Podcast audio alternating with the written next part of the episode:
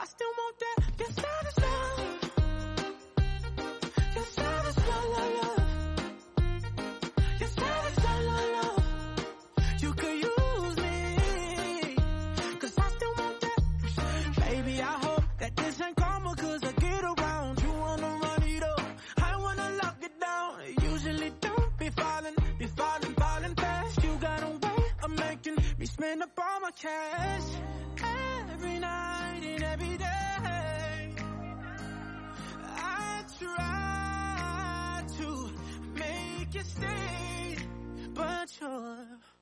Savage love? Did somebody, did somebody break your heart? Looking like an angel, but you're savage love? When you kiss me, I know you don't get two fucks, but I still want that.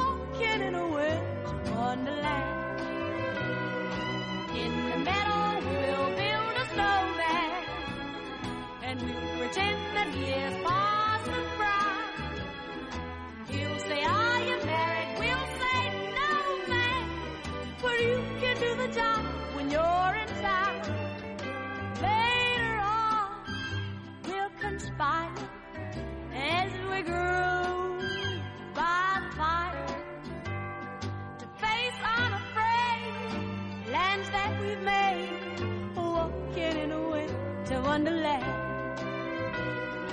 In the meadow we can build a snowman. Snowman. We'll pretend that he.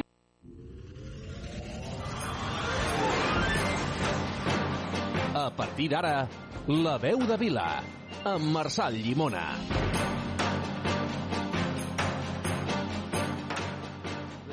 11 eh, i 5 minuts, bona tarda, benvinguts, ben tornats a La Veu de Vila, benvinguts al darrer programa de l'any 2023. Des d'ara i fins les 9 ens apropem a tu. Aquí i trobaràs, com sempre, actualitat, entreteniment, històries. Escolteu La Veu de Vila, som, com sempre, a casa, a Ràdio Vila. Arrenquem. Arrenquem.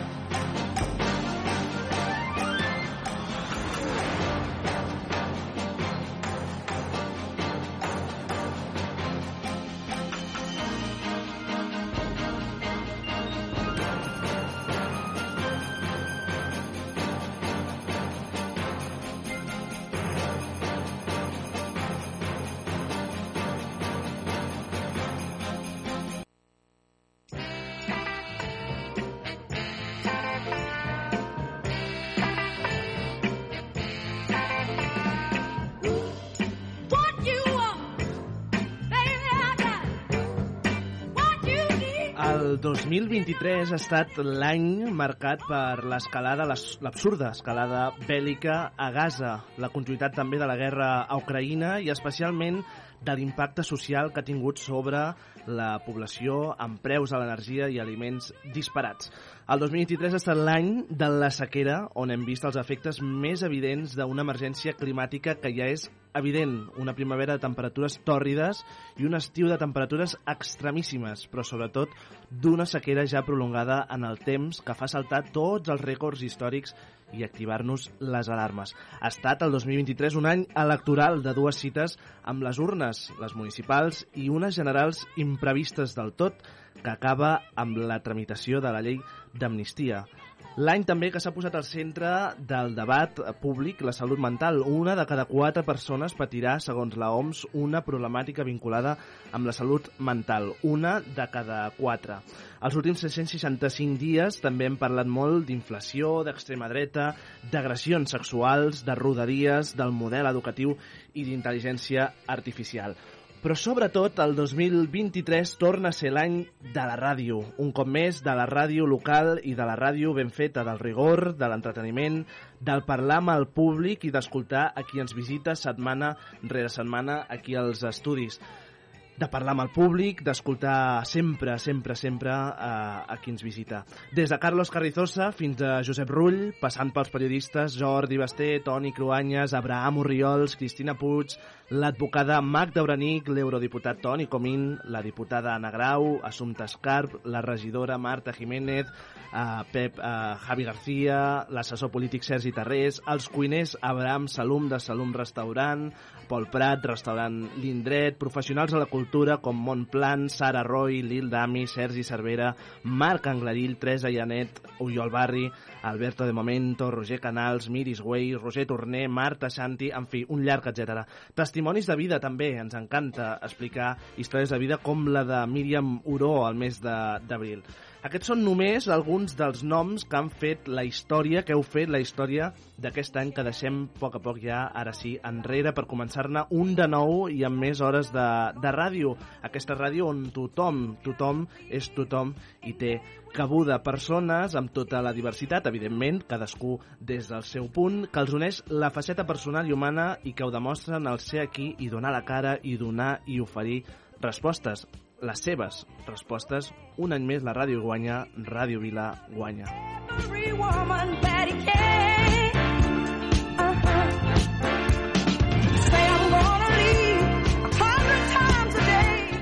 Així que només ens queda eh, que donar les gràcies. Gràcies a tu, que ens escoltes des de casa i que ens dones, ens doneu tot el sentit del món per fer aquest programa cada setmana. I gràcies infinites també a qui ens acompanya en aquest estudi cada setmana, com dèiem, incondicionalment i amb confiança plena en aquesta ràdio en aquesta ràdio local i amb aquesta manera també d'entendre, d'entendre l'acompanyament, d'entendre la ràdio, d'entendre la comunicació. No ens cansarem mai de, de dir-ho. Des del primer programa, el 20 de gener de l'any 2023, amb l'assessora d'imatge, eh, la Marta Pontnou, i una tertúlia de salut mental amb Josep Tristany i Magda Casamitjana, fins aquest, el que acaba avui, 29 de desembre, el que suma 275 i que ho fem acompanyats de Toni Comín, Jordi Dueso, Marc Anglarill, Teresa Llanet i sempre, sempre, sempre amb l'equipàs que, que ens hi acompanya, l'Antònia Moscoso, l'Empar Molina, la Mati Segura, la Conxita Morante, tot l'equip del públic que tenim que ens acompanyen setmana rere setmana de forma incondicional i, i crec que és eh, just i, i, i de rebut dir-ho. S'acaba l'any, s'acaba el 2023 i amb el final d'any venen aquells dies no, on repassem segurament a través d'imatges, a través de mil instantànies, eh, fotografies, vídeos, en fi. Aquests dies són de, de pagar una mica les xarxes i sobretot viure, que ens, a vegades ens n'oblidem de viure eh, doncs el que ha donat de si aquest any natural, del que hem fet, del que no hem fet i del que podríem haver fet o del que no hauríem d'haver fet. És impossible resumir-ho en tan sols una instantània, per tant aquest editorial és per tots vosaltres perquè vet aquí un gat, vet aquí un gos, el 2023 ja se fos l'any que ve més i millor. Són les 6 i 10, divendres, divendres 29, Antònia Moscoso, bona tarda. Bona tarda. Com estàs? Molt bé, avui de brilli, brilli. Benvinguda. Mati Segura, bona tarda. Molt bona tarda. Què tal? Perfecte. Fantàstica. Conxita Morante, bona tarda. Bona tarda. Què tal? Igual que l'Antònia. Fantàstica. I en Pal Molina, bona tarda. Molt bona tarda també uh, i gràcies per ser-hi divendres. Divendres 29 són les 6 i 11 i esteu escoltant La Veu de Vila.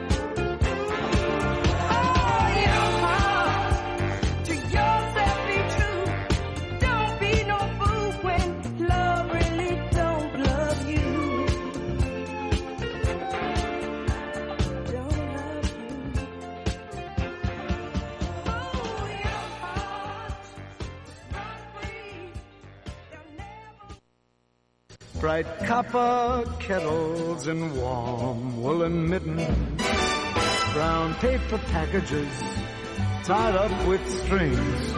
These are a few of my favorite things. Mira, continuem aquí en directe, 6 i 12 d'aquest divendres, divendres 29. Acabem l'any i ho fem fent ràdio, no en sabem fer-ho d'una altra, altra manera. Uh, Conxita, en part, Mati, esteu bé, segur? Molt bé, i tant, perfecte. Val, val, Eh. sobretot, eh? Va, una Per salutació... aquella hora hi han d'estar bé. No, no, escolta, jo pregunto. Una salutació especial, com sempre, al nostre públic, radioients fidels, que ens escolteu des de casa, des de qualsevol punt del país, del territori, que és molt ampli, uh, i per tant, doncs, una abraçada a tothom. Uh, al públic, bona tarda, públic. Bona tarda. Toma ja. Esteu bé, eh? Esteu bé? Esteu fantàstics i fantàstiques, que veniu aquí amb una brillantor espectacular i que ho ensenyem, mira, el, el Toni que està, està aquí, l'està veient, aviam si ho pot veure perquè brillen, aquesta gent brilla que no vegis Vull dir, és, és espectacular és espectacular, va uh, doncs som-hi, uh, som-hi, aviam si podem fer bé, bé aquesta connexió Toni Comín, molt bona tarda Opa, espera't aviam, tornem-hi, ara sí Toni Comín, bona tarda Bona tarda Ara sí, et sentim bé, et sentim bé Tu també? Val. Com estàs? Com si us tingués aquí, com si us tingués aquí mateix. Igual. Com estàs? Tot bé? Estem, estem, Estem. estem bé, sí. Escolta'm, uh, des d'on ens parles exactament, per situar-te? Doncs mira, fa gaires, molt poques hores, acabo d'arribar a la Catalunya Nord. Catalunya Nord. Hem passat el, el Nadal en família a Lovaina, com, com de costum. Uh -huh. Ara no vull entrar en qüestions més íntimes, però aquest any, aquest Nadal era, era un Nadal difícil per nosaltres, però era el primer Nadal sense la, la nostra mare, diguem. Uh -huh. Per tant, era el buit, el buit de les mares és sempre molt fort, però per Nadal encara es fa més intens. I que és en aquells moments de, de l'any en què el, no, les matriarques molt matriarques, com és el cas de la mare, exerceixen el seu matriarcat amb tota la seva potència I no, tant. per Nadal. Uh -huh. I ara he agafat un avió i ja estic a la Catalunya Nord, faré el cap d'any, el cap d'any aquí, amb, amb família i amics de la Catalunya Nord. Sempre Escolta. intentem combinar una mica, quan arriben moments d'aquests, no? aquestes dates, intentem combinar els nostres diversos llocs, no? El, el, Bèlgica, que ja és una mica casa nostra, Uh -huh. però també la Catalunya Nord, que és un lloc on hem posat peu des de que hem pogut per, per estar més a prop de casa. Escolta'm, uh, uh, Toni Comín, serà aquest el darrer cap d'any, aquest darrer Nadal, que estaràs fora de, de casa teva? En principi tot apunta que sí. El que passa és que nosaltres hem estat sempre molt prudents i per tant tampoc podem donar garanties absolutes, però tot apunta que sí, tot apunta que, que s'aprovarà la llei d'amnistia, tot apunta que el Tribunal Suprem farà tots els possibles per no haver-la d'aplicar i tot apunta que el Tribunal Suprem fracassarà eh, tard o d'hora, tard o d'hora, potser ens faran perdre uns mesos, però acabaran fracassant tard o d'hora amb els seus esforços per impedir que s'apliqui la llei. Però nosaltres tenim la convicció que la llei s'acabarà aplicant. Per molt que els jutges del Tribunal Suprem eh, ja sabem quina actitud no, gens democràtica els, els caracteritza, no? però hem fet una llei tan blindada, tan eh, segura, tan garantista, que en, en principi no hi ha cap escletxa no? Mhm. perquè els jutges del Tribunal Suprem puguin esquivar-la. Escolta'm, uh, Toni Comín, si abans de començar l'any que ara acabem, per tant, abans de començar l'any 2023, t'haguessin dit que 1. El català seria oficial al Congrés dels Diputats. 2. El Girona estaria més de moda que el Barça. 3. Es tramitaria la llei d'amnistia. I 4. Junts hauria, de fet, eh, hauria fet president a Pedro Sánchez. Quina d'aquestes 4 hauria estat la que més t'hagués costat de creure? El Girona, El Girona, eh? una diferència, però de llarg, perquè les altres no només no m'haguessin costat de creure, sinó que jo les havia pronosticat. De fet, ho he explicat en altres entrevistes, és públic. Hi ha terceres persones que poden donar eh, testimoni, poden provar, diguem que jo feia molts mesos que havia pronosticat des de principis de l'any 2023 havia pronosticat que el més probable, quan jo pensava que les eleccions serien al, al desembre, que era el que es preveia al principi, abans de les eleccions, recordeu, municipals i autonòmiques, la, la, la, el calendari previst era que es farien eleccions generals al desembre. Després de les, del desastre del PSOE, les eleccions autonòmiques, Pedro Sánchez les va avançar i va fer les generals al juliol.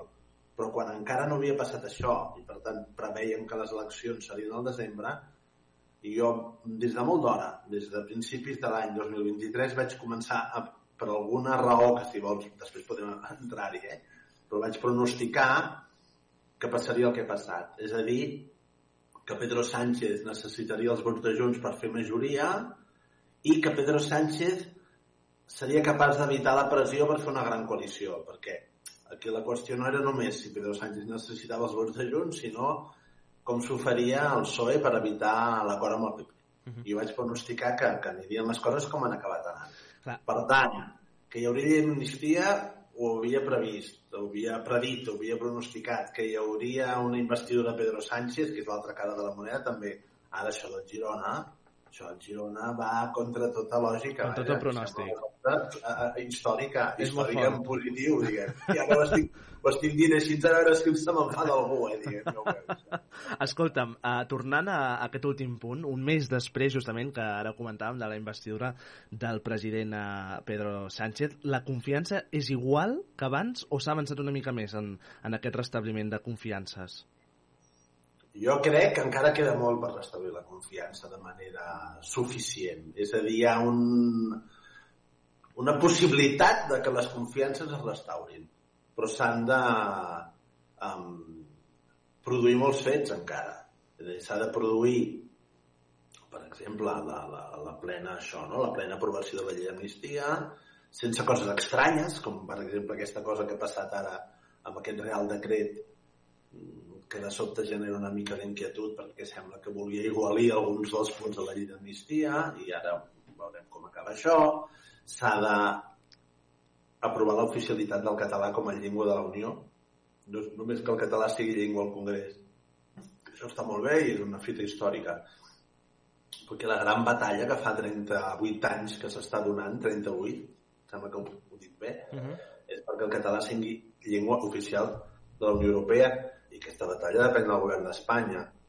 Per tant, si el govern d'Espanya vol restablir les confiances, ha de guanyar aquesta batalla, que entenem que és complicada, que és difícil, que els acompanyarem, que els estem acompanyant en aquesta batalla, però volem veure que la donen fins al final, que paguen el preu que calgui per guanyar aquesta batalla, per al que sigui. I per tant, queda molt, queda molt encara per Clar, el, uh, diguem-ne que, que Junts no, uh, s'ha acollit a la, a la via pactada, a la via de la negociació, un fet que de fet fins fa, fins fa un any era en fi, força, força impensable, almenys uh, pel que fa a la retòrica. No? Uh, això és, ho hem de llegir com un gir pragmàtic, Toni? Uh, allò, també directament t'ho pregunto tu justament perquè et vas posicionar en contra d'aquest pacte d'investir Pedro Sánchez. A, a posició en contra qui dius? A, a, a, en contra d'investir a- el president Sánchez, govern espanyol. Qui, qui dius que està en contra? Que en el seu moment dic que Toni Comín es va mostrar en contra d'investir Pedro Sánchez com a president espanyol No. Quan? a principis d'any. No. No? En una entrevista, eh, va, Toni Comín va afirmar, ho buscarem, ho buscarem, Toni Comín va afirmar que vaig pronosticar que Sí. seríem necessaris i que pactaríem amb ells. junts, seria necessari junts. Junts. Jo vaig, el que he explicat a la resposta anterior és que jo vaig pronosticar en privat, però hi ha molts testimonis, de que uh, Pedro Sánchez necessitaria els vots de Junts i que Junts els hi donaria.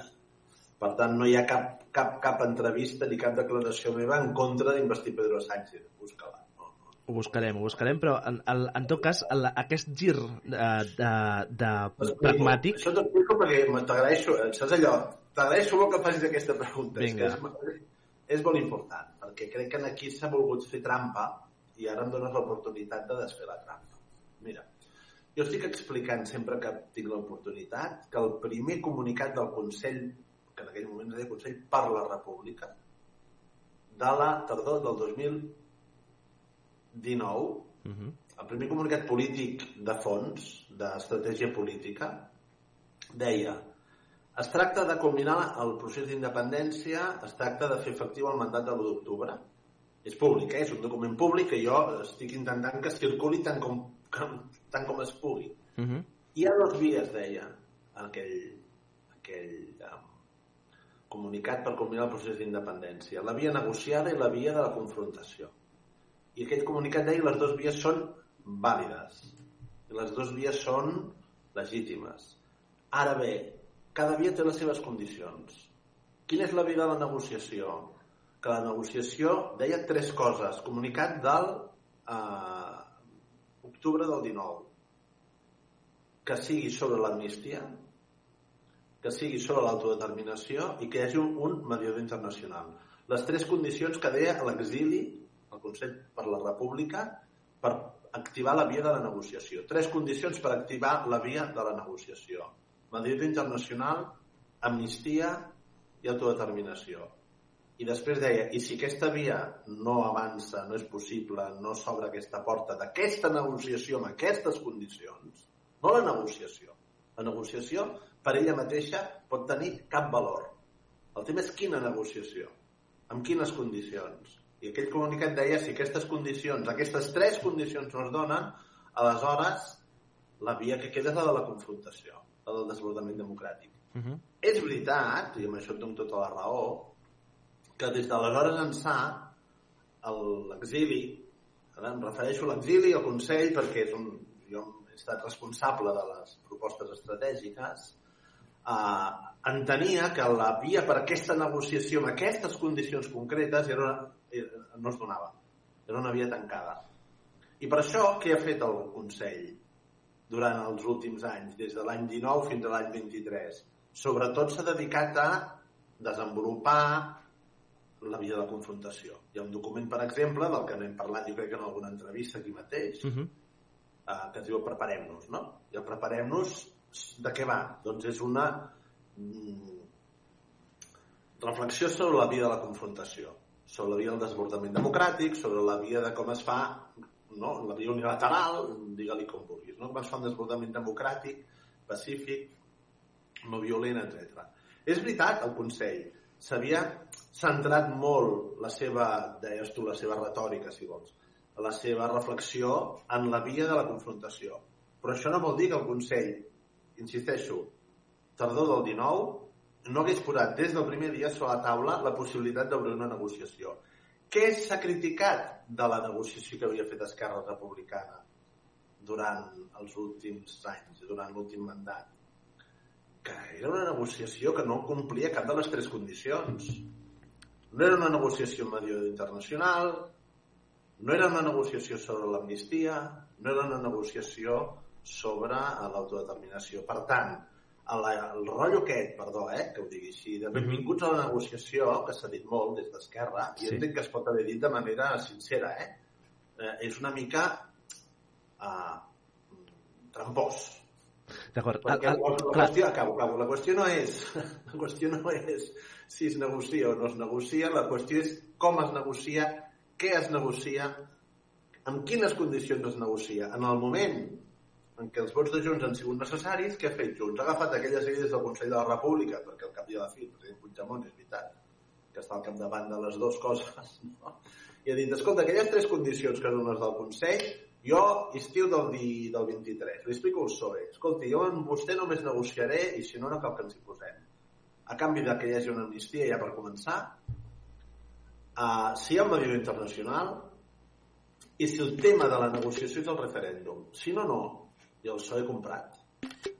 El PSOE ha comprat les tres condicions. El PSOE ha acceptat l'amnistia, el PSOE ha acceptat el mediador, però és que això ho vam dir el 19, insisteixo. Uh Mhm. -huh. Tardor del 19, està escrit, està publicat. Clar, però el- el ha PSOE acceptat que l'objecte de la negociació sigui el referèndum. El, el, so, tant, el PSOE... no hi ha un pragmàtic, no hi ha cap gir, no hi ha cap gir de cap mena, no, no Bueno, estem desviant de de- res. d'entrada, no. Toni Comín, de- d'entrada, deixa'm dir que objectivament, vist és una panoràmica allò de, de carrer, eh, sí que es veu que eh, Junts ha passat de ser, evidentment, ha, ha passat de ser rellevant, si vols, en, una, en termes de negociar eh, políticament doncs, el paper de, de l'executiu espanyol, a passar a ser rellevant i això sí que ha fet que Junts automàticament aposti per una via de negociació i de, i de, i de dialogació, etc Sí. etc. Va. Jo crec que hi ha un interès Sí. en identificar... Això, ja, això són relats mentals, segur. Jo, entre- jo crec que hi ha un interès en, en dir que el que fa Junts és una rectificació respecte al que havia fet ara. Jo Uh -huh. intento posar les proves de que no és cap rectificació. Primera cosa que vull aclarir. I segona cosa, hi ha un interès en dir que el que fa Junts és una mica el mateix que va fer Esquerra fins ara. Jo també intento posar les diferències. No dic que no hi hagi algunes coincidències, però des del respecte del que ha fet cadascú, Uh -huh. però posar les diferències entre aquella mesa de diàleg i el que està fent Junts ara. A, a, a, dit, dit, des de la màxima um, no sé com dir-ho eh, respecte i, Mhm. i, i fraternitat fins i tot. El... La pregunta que jo em faig és per què els últims quatre anys en què els vots d'Esquerra eren necessaris, Esquerra, en comptes de posar com a condició per donar els seus vots als indults, per què no va posar com a condició per donar els seus vots l'amnistia? -huh. Aquesta és la condició. Sí que es va portar una llei d'amnistia al Congrés, però es va tombar i Esquerra va seguir votant els pressupostos de Pedro Sánchez. Per què en aquella investidura de Pedro Sánchez, en què els vots d'Esquerra eren necessaris, i els de Junts en aquell moment no ho eren, la condició d'Esquerra no va ser una amnistia? Perquè ara ja hem vist una cosa. Si Esquerra en aquells moments hagués posat l'amnistia com a condició, el PSOE li hagués donat. Perquè si ho han fet ara, ho haguessin fet fa 4 anys. I què passa? Que hem perdut 4 anys preciosos? Mm. Hem perdut 4 anys preciosos, o Sa- 3 i mig? Són quatre anys perduts? Sí? Bueno, jo crec que si s'hagués posat l'amnistia com a condició fa 3 anys i mig, haguéssim, Esquerra, hagués, Esquerra, sola, tota sola, Uh -huh. hagués aconseguit l'amnistia fa 3 anys i mig. Potser, per, per, per, potser és un tema més de correlació de forces, no? No, no, per, és un tema de vots. El PSOE hi ha hagut un moment que per ser investit necessitava els vots d'un senyor, i aquest senyor Mm. li ha dit amnistia o res. I el PSOE ha dit, val, doncs fem l'amnistia, d'acord. Si això mateix que ha fet ara Junts ho hagués fet, fet, ho hagués fet Esquerra fa 3 anys i mig, el resultat hagués sigut el mateix. Si Esquerra hagués dit, escolti, vostè vol ser president? Miri, amnistia o res. Haguéssim tingut l'amnistia 3 anys i mig. I jo hagués mm, jo i molts altres represaliats ens haguéssim estalviat 3 anys i mig de repressió.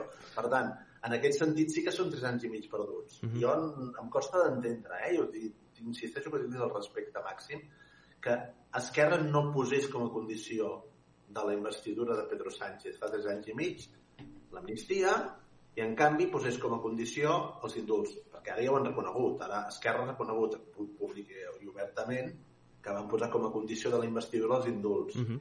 Doncs potser en aquell moment, en comptes de posar sobre la taula els indults, que s'hauria de posar sobre la taula és l'amnistia, Queda... que és el que hem acabat fent ara.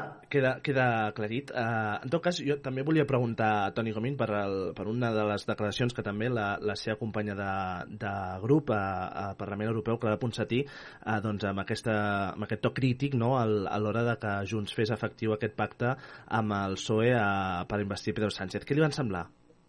Fatal, fatal, estic molt trist i desolat, i li vaig dir en privat, tota la confiança que ens tenim, i ja li vaig explicar que cada vegada que m'ho preguntin en públic li diré, diré el mateix que li vaig dir a ella, que em sembla un article totalment injust i que fa una descripció dels fets que no es corresponen a la realitat, sincerament.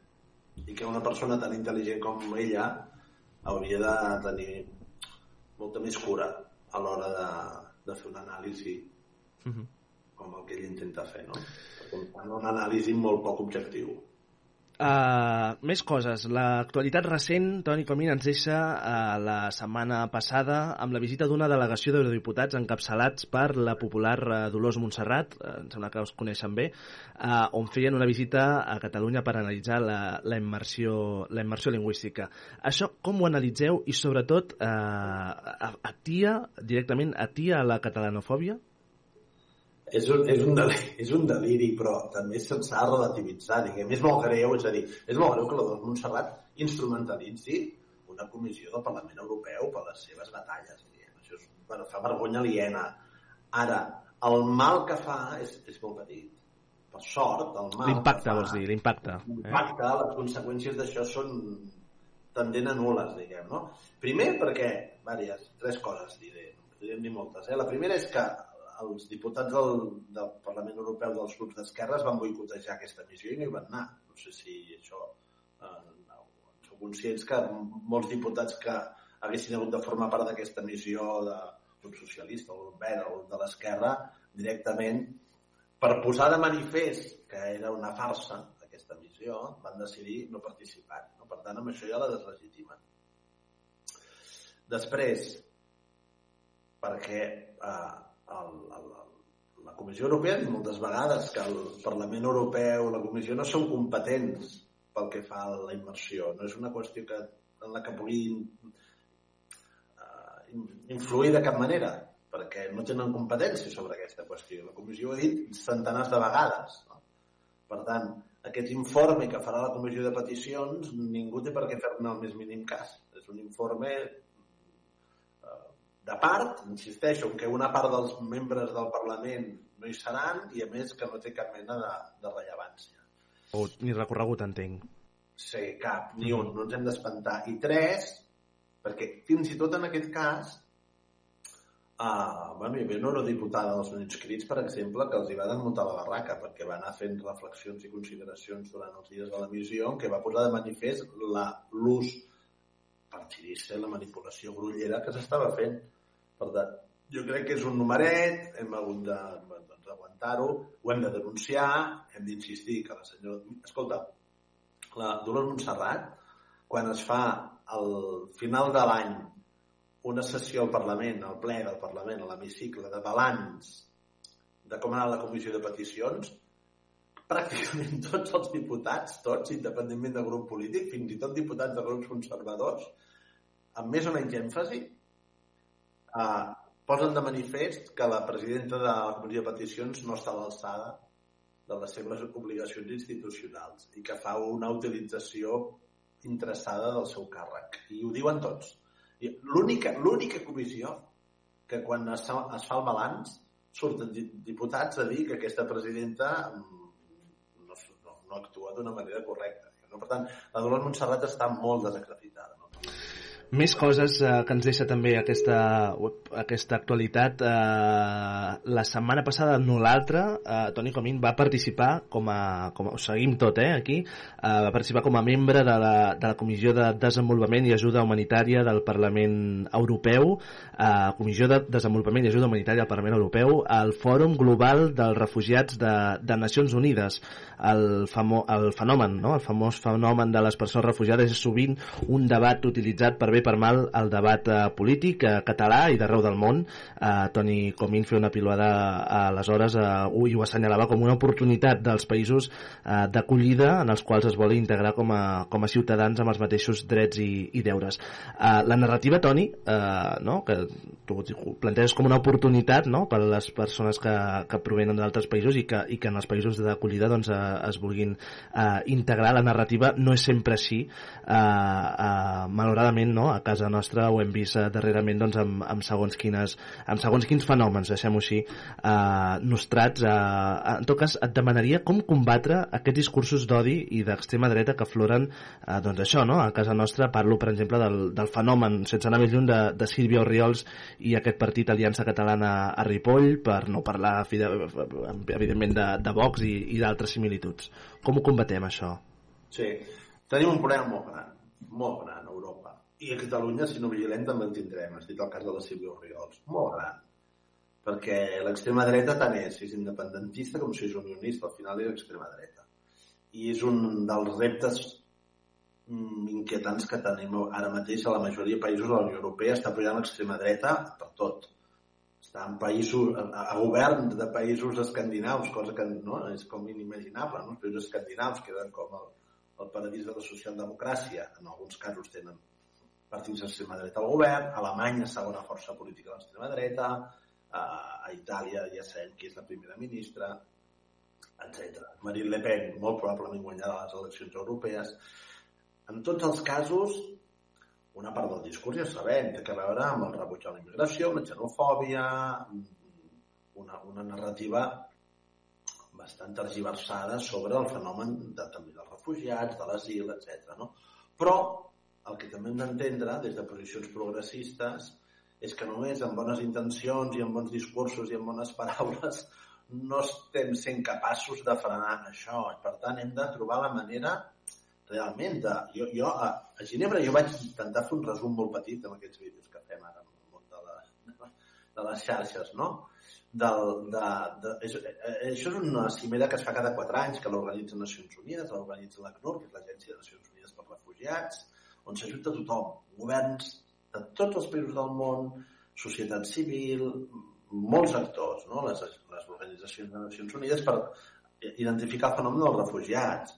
Jo intentava explicar que hem de ser conscients que és un, un fenomen que a nivell quantitatiu va a més, no va a menys. Dos, que les fronteres entre els refugiats i els immigrants no són tan senzilles, encara que els instruments jurídics estan clarament diferenciats. Les convencions de protecció dels immigrants són unes, les de protecció dels refugiats són unes altres, però en el món de les lleis les coses poden ser molt, molt, molt clares i estan molt ben diferenciades, però la realitat concreta es barreja i això fa encara més difícil gestionar la realitat de la immigració i dels refugiats perquè és, són realitats que es confonen a vegades. I tres, que només ens en sortirem si som capaços d'entendre que realment els refugiats, els immigrants, volen ells aportar a la societat a la que arriben i per tant ells volen actuar com a ciutadans no només amb els seus drets sinó amb els seus deures i per tant s'han d'intentar entendre aquests uh, nouvinguts com, com, com, com un actiu com, una, com un benefici per la, per la comunitat com, un, com una oportunitat però això si es diu així i prou i aquí es queda pot ser fins i tot contraproduent. No ens podem quedar. Ara faig una mica, si vols, de, de matisació sobre, sobre aquelles reflexions de dos minuts tan curtes d'un vídeo. De dir, sent veritat, i hem de defensar això, que, són ciutadans que, que, que, que contribueixen, i els hem de veure així, uh, hem de, hem de demostrar-ho. No n'hi ha prou en dir-ho, hem de demostrar-ho, perquè si no guanyarà el discurs de l'extrema dreta, perquè si no guanyarà el discurs de la xenofòbia, perquè si no veurem els propers anys com pullen aquests partits xenòfobs a la majoria d'Europa.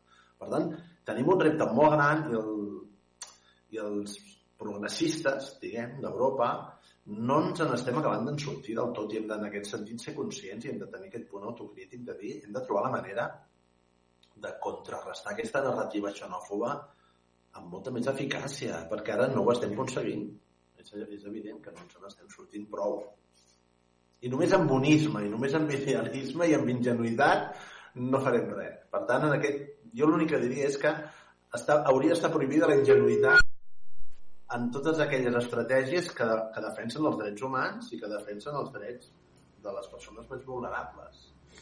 La defensa ha de ser mm, incondicional, però sense ingenuïtat. Uh -huh.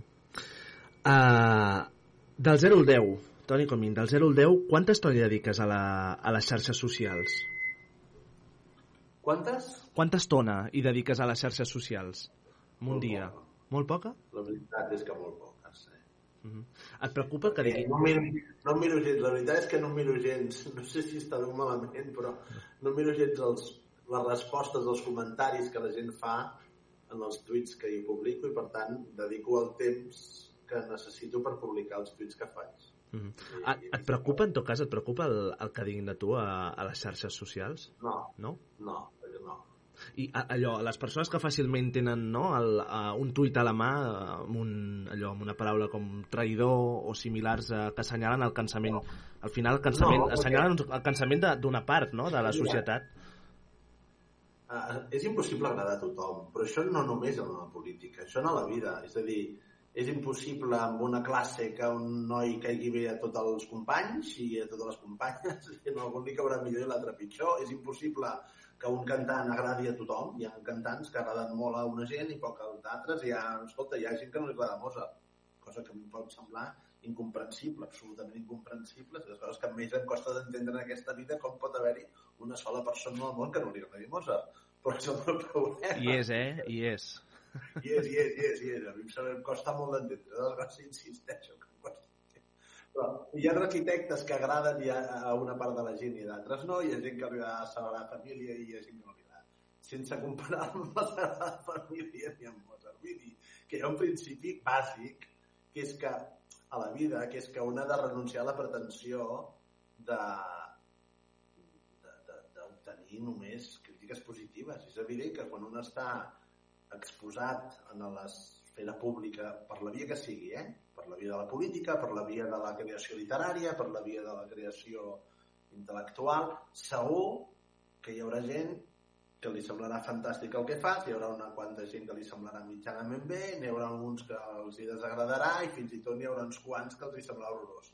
Ja està. És el, el, em refereixo més al, a allò de, escolta, llegeixes un tuit que et diuen, t'assenyalen com un traïdor i no sé què, després de que, no? I, i tu pots dir, ostres, però jo estic a l'exili per uns fets dels quals ara em No, critiquen gent que en el seu moment... No, Ah, estem ah. immunitzats, no, ja t'entenc. No, no, no, no, això estem immunitzats des del primer minut, perquè és, de fet és preocupant, em sap greu pels que ho diuen. La gent que des del sofà de casa que no ha sacrificat res, o que ha sacrificat menys que molta altra gent i menys que nosaltres, i la gent que ha sacrificat poc per la independència, té poc autoritat, poca autoritat, deixa que t'ho digui així, eh? poca autoritat moral per dir-nos si nosaltres mm, diguem, som traïdors, no, no, no, no ho som. Altra cosa és que tothom és fal·lible en aquesta vida, ningú és perfecte, no tenim una vareta màgica, voldríem anar molt més ràpid a culminar el procés d'independència i està anant tot molt a poc a poc, d'acord?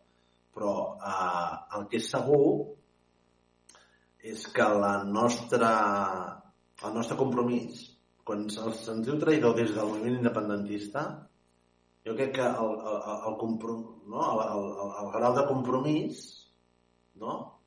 Uh, uh, jo crec que poc, uh, entre d'altres factors s'ha d'avaluar pel grau de sacrifici. Llavors, els que han fet un sacrifici personal volgut, conscient, previst, com és el cas dels membres del govern, que ens van amenaçar sis vegades al Tribunal Constitucional que ens fotrien a la presó. Vull dir que quan vam fer el referèndum ja sabíem que ens estàvem arriscant a la presó o a l'exili, això ho teníem claríssim, perquè va haver-hi sis notificacions del Tribunal Constitucional amenaçant. Per tant, tots els membres del govern es pot discutir la seva estratègia política, es pot, però del que segur que no es pot discutir és el seu compromís. I per tant cap, cap membre del govern de l'1 d'octubre pot ser exiliat de traïdor perquè, perquè tots van pagar un preu personal molt gran, tots vam pagar un preu personal molt gran per fer possible el referèndum. No?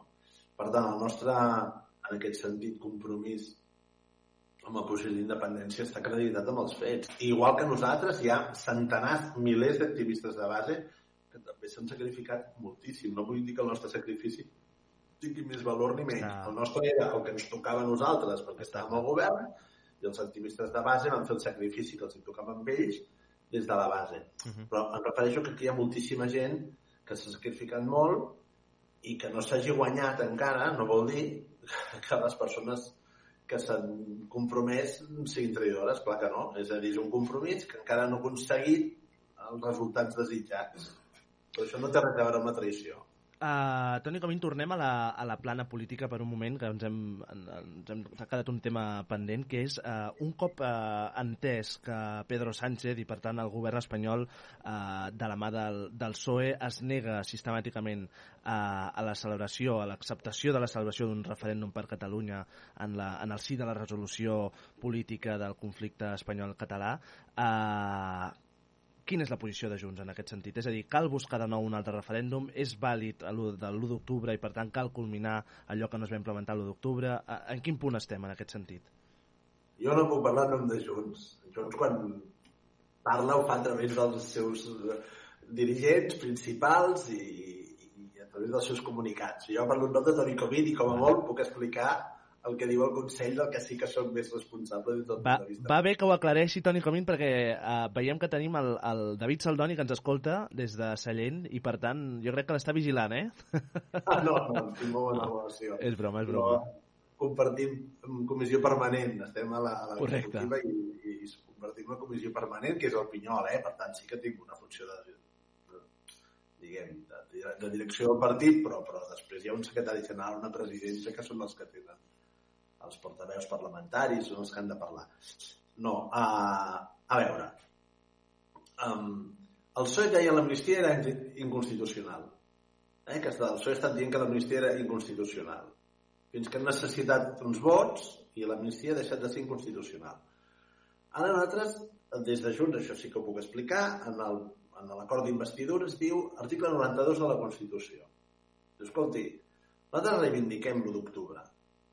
Seguim defensant la validesa de l'1 d'octubre. Ara em remeto al que diu el text, eh? la, la literalitat del text de l'acord d'investidura de Junts i del PSOE eh, negociat per Carles Puigdemont, com sap tothom. I diu dues o tres coses molt importants. Una és que no es renuncia a l'1 d'octubre, que es considera que aquell mandat és vàlid i vigent.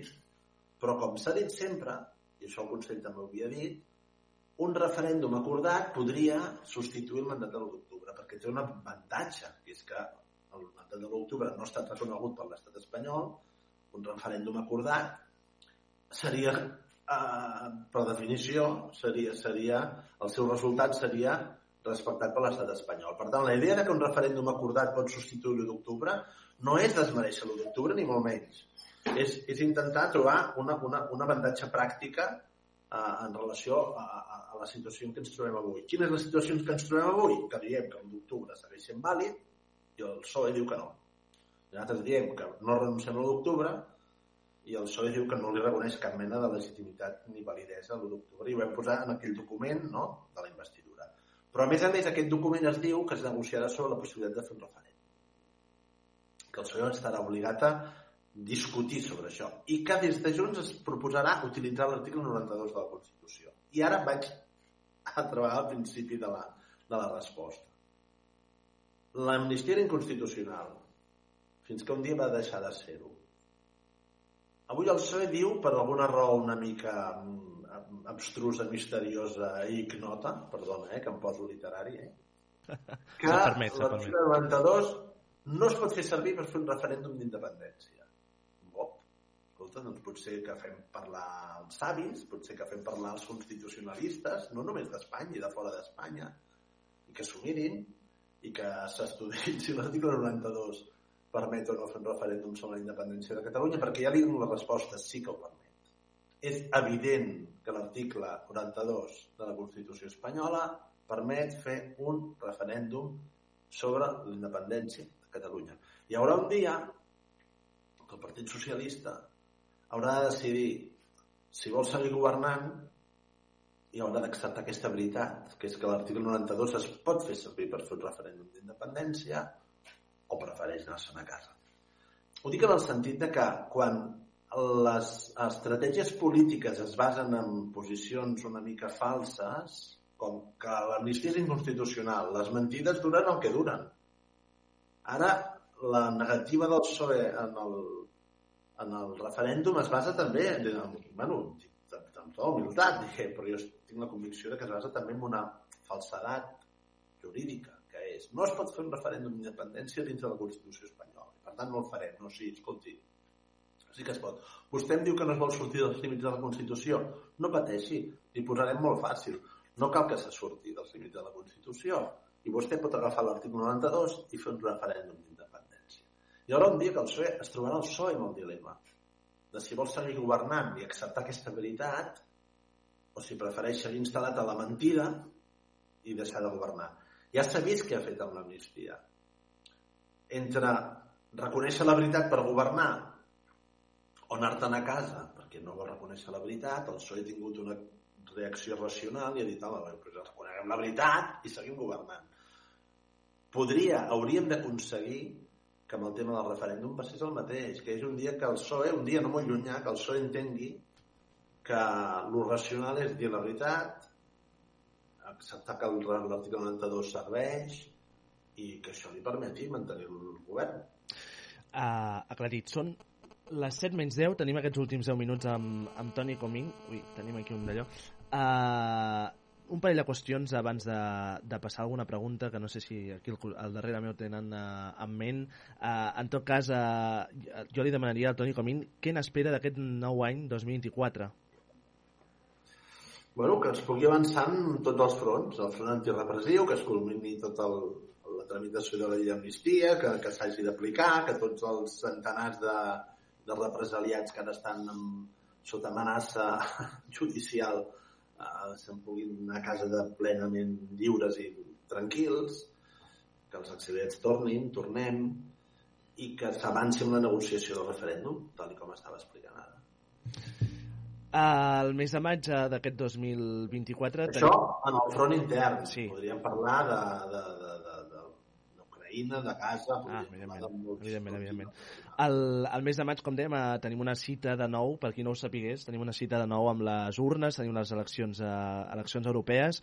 Eh, veurem Toni Comín repetint com a candidat.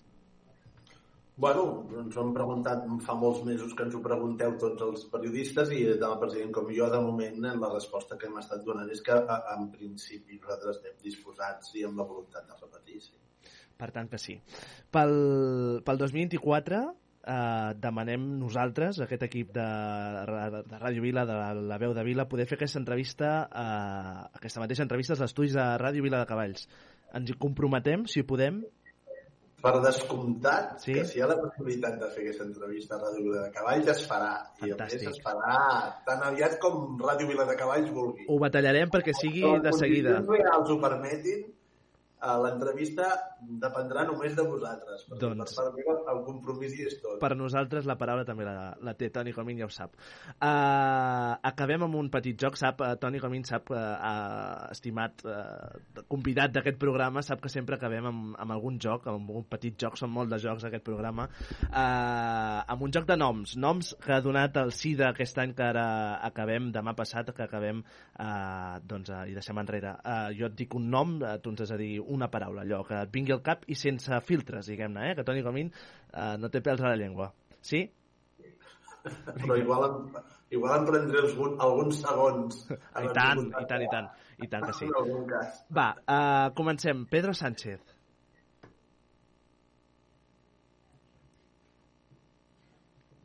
Bueno, diguem, pragmàtic o, si vols, oportunista. Pere Aragonès. President, Sílvia Oriols. perill, Xavier Trias. amic, Jaume Sens. gran amic, Ada Colau. gran amic amb qui passarem un d'aquests dies eh, plegats aquí molt poquet. Uh, Ada Colau. Alcaldessa, Luis Rubiales. masclisme, Joan Begulla. historiador, Itziar, l'historiador, l'historiador, amb ve l'apòstrof. Itziar Castro. Itziar Castro... Uh... L'actriu que ens va, ens va deixar, de fet, Ah, fa unes setmanes. Cert, cert. Doncs mm, més difícil dir una paraula perquè l'havia seguit poc. També t'he de dir que des de Bèlgica eh, el, els referents televisius i cinematogràfics, ara perdona aquell parèntesis, Vinga. canvien, eh, també, perquè un també s'introdueix en el món audiovisual del país on viu, que és el país, no? en el meu cas Bèlgica, i per tant et desconnectes una mica dels referents audiovisuals i cinematogràfics de... Ara et podria parlar de molts actors de, tele... de, Belgues. de, de, de sèries belgues i de pel·lícules belgues, i en canvi més més difícil De- seguir que seria el cine i la televisió a Espanya. Clara Ponsatí. Amiga, I Toni Comín. amic de Ràdio Vila de Cavall. Home, i per molts anys. I per molts anys. Toni Comín, gràcies. Una abraçada Va. molt forta. Uh, Antònia, no sé si tens alguna pregunta? Sí? Aviam, la Tònia aquí ve de, espectacular de gala. Aviam, pots ensenyar? Ja que Toni La veig, la veig. Està preciosa, guapíssima. Jo també encara no és cap d'any. Bueno, és que avui No ho celebrem. Avui ho celebrem no aquí. el dia 31, com et posaràs?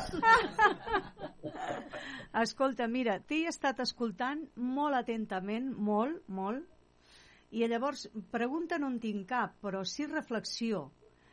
Ho veig tot tan, mm, tan complicat, tan complicat, que a on se'n va el món? A on se'n va el món? Complicat en quin sentit?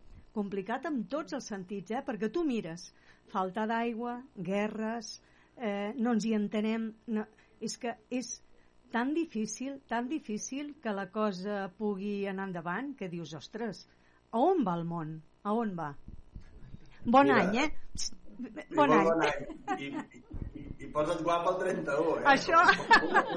Escolta'm una cosa, escolta'm una cosa. Toni, com permet-me un segon. Antònia, eh, ens hem compromès a que de seguida que pugui ser, eh, Toni Comín sigui a l'estudi en directe aquí a Ràdio Vila de Cavalls. Però jo ara vull fer comprometre... Aviam, quan tu ja ho deus saber. El dia que vinguis, has de venir a sopar a casa.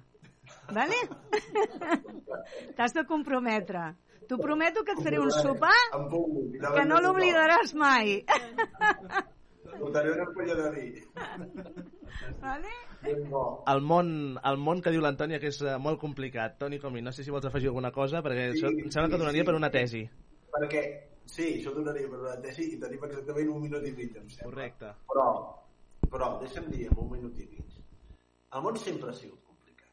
És a dir, tenim tendència a pensar que el passat va ser fàcil, no? I dius, bueno, hi ha hagut moments més fàcils, hi ha altres més difícils, hi ha hagut moments de guerra duríssims, ha moments de pau no tan durs, però sempre, la, la, si tu llegeixes Ciceró, sempre poso l'exemple de Ciceró perquè és molt útil, perquè dius, home, sí, estàvem fatal, tu, aquella gent. I saps, fa dos mil anys, no? Estàvem molt malament. Per tant, la realitat política i històrica té llums i ombres, té coses meravelloses, progrés científic, grans artistes, grans avenços polítics i també violència, injustícia, víctimes innocents. Això, això és la matèria prima de la història i això, això no ho canviarem. Ara, amb els tres temes que tu m'has dit en concret, et faig un titular de cada un per agafar una mica d'optimisme. La sequera, terrible. La pitjor sequera que ha patit Catalunya mai, des de que hi ha registres. Però sabem que la ciència i la tecnologia permeten donar una resposta. Jo confio que des de les administracions, des de la societat, serem capaços de mm, sobreposar-nos. Llavors s'han de fer unes inversions, hi ha aigua que es pot desalinitzar, hi ha... és un tema que m'agrada molt i me'l sé molt i ara podria aquí parlar en 25 minuts sobre què s'ha de fer per disposar d'aigua en països amb escassedat com la nostra. L'estalvi energètic, l'eficiència, té solució. El que vull dir és que la sequera té solució. No és d'avui per demà, però té solució. Segon, no ens entenem. Tens raó, però saps què? Tinc la confiança que ens entendrem. És a dir, jo, quan faig crítiques a la, als companys de, de les altres organitzacions de, del moviment independentista, les faig perquè crec que la meva primera obligació és ser sincer i honest. El pitjor, si ens hem d'entendre, és no dir el que pensem. Diguem el que pensem, podem tenir la raó o no. I parlant, parlant, parlant. Un. I dos, tenint el mateix objectiu, que això és el més important, el mateix objectiu que no siguin els nostres interessos de partit, que tots els partits tenen aquest risc, tots, no uns, tots. Superant aquest risc, aparcant els interessos de partit, posant l'interès general, l'interès de país a davant, ens entendrem, clar que ens entendrem. Tinc la convicció que ens entendrem si l'objectiu és compartit. Si volem culminar el procés d'independència, si volem acabar el que vam començar l'1 d'octubre junts, ens tornarem a trobar. Però la primera condició és ser sincers i transparents. La segona és parlar molt i la tercera és tenir un objectiu compartit. Tres, la guerra. La guerra és el gran drama de la, de la, de la història de la humanitat. Però totes les guerres tenen solució, inclús aquesta guerra horrible que estem vivint. A Gaza, en aquests moments, té solució. És el bombardeig més bèstia que s'ha produït des de la Segona Guerra Mundial. Mai des de la Segona Guerra Mundial hi havia hagut un bombardeig tan intens amb tantes víctimes civils per dia. Mai. Això és una barbaritat. Això no podem no denunciar-ho. Dit això, la comunitat internacional té capacitat per imposar la pau? La té. La té. El mateix Biden des dels Estats Units, a poc a poc, en la mesura de, del que un president dels Estats Units pot fer, però va, va virar una mica el que ha sigut el paper històric dels Estats Units en el conflicte d'Israel i Orient Mitjà. Europa, valenta, s'ha de posar aquí, hem de forçar la solució dels dos estats. Per tant, la veurem. Jo crec que no podem dir que no. Tampoc et m'atreveixo a dir-te que sí, però jo crec que no podem dir que no. Hi ha la possibilitat que hem de treballar per aconseguir l'única pau possible. A Palestina, que és els dos estats lliures, tal com l'ha dit Nacions Unides. Per tant, deixa'm que des del, pragma, des del realisme, des d'aquesta consciència històrica, que la història és molt complicada, també et digui que tot té solució. Són solucions imperfectes, però sempre hem de tenir la, la voluntat de uh, tirar-les endavant per molt imperfectes que siguin. Toni Comín, com sempre, optimista de mena. Eh, de fet, jo crec que 2023 tampoc s'entendria Ràdio Vila sense aquestes tardes amb, amb Toni Comín, que ens hi ha acompanyat, i per tant aquesta història s'escriu també gràcies a, gràcies a ell. Una abraçada molt forta, que traspassi, que traspassi aquestes pantalles i ordinadors. Una abraçada molt gran. Els millors molt bon desitjos, molt bon any, petons i Molt bon any, abraçades. 2024, i esperem que sigui l'any que pugui, que pugui venir a sopar. Efectivament, a casa l'Antònia que t'hi està esperant, ja em sembla. Eh? Una abraçada molt gran. Moltíssimes gràcies, Toni Comín. Bon any. A vosaltres. Gràcies. Fins ara. 5 minuts i tornem. Fins ara.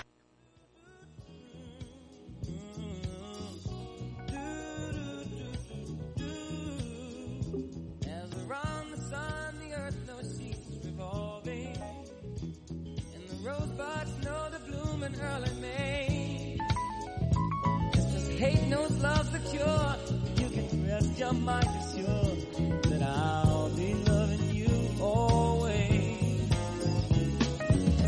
can't reveal the mystery of tomorrow. But in passing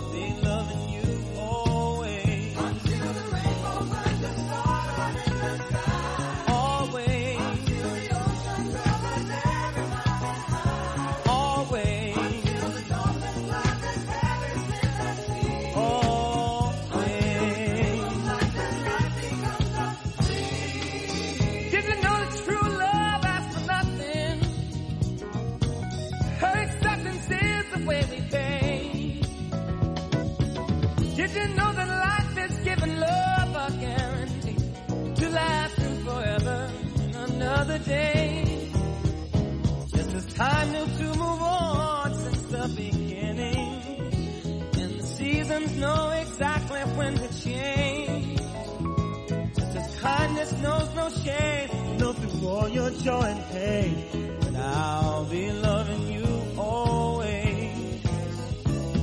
As the day I know I'm living, but tomorrow could make me the past, but that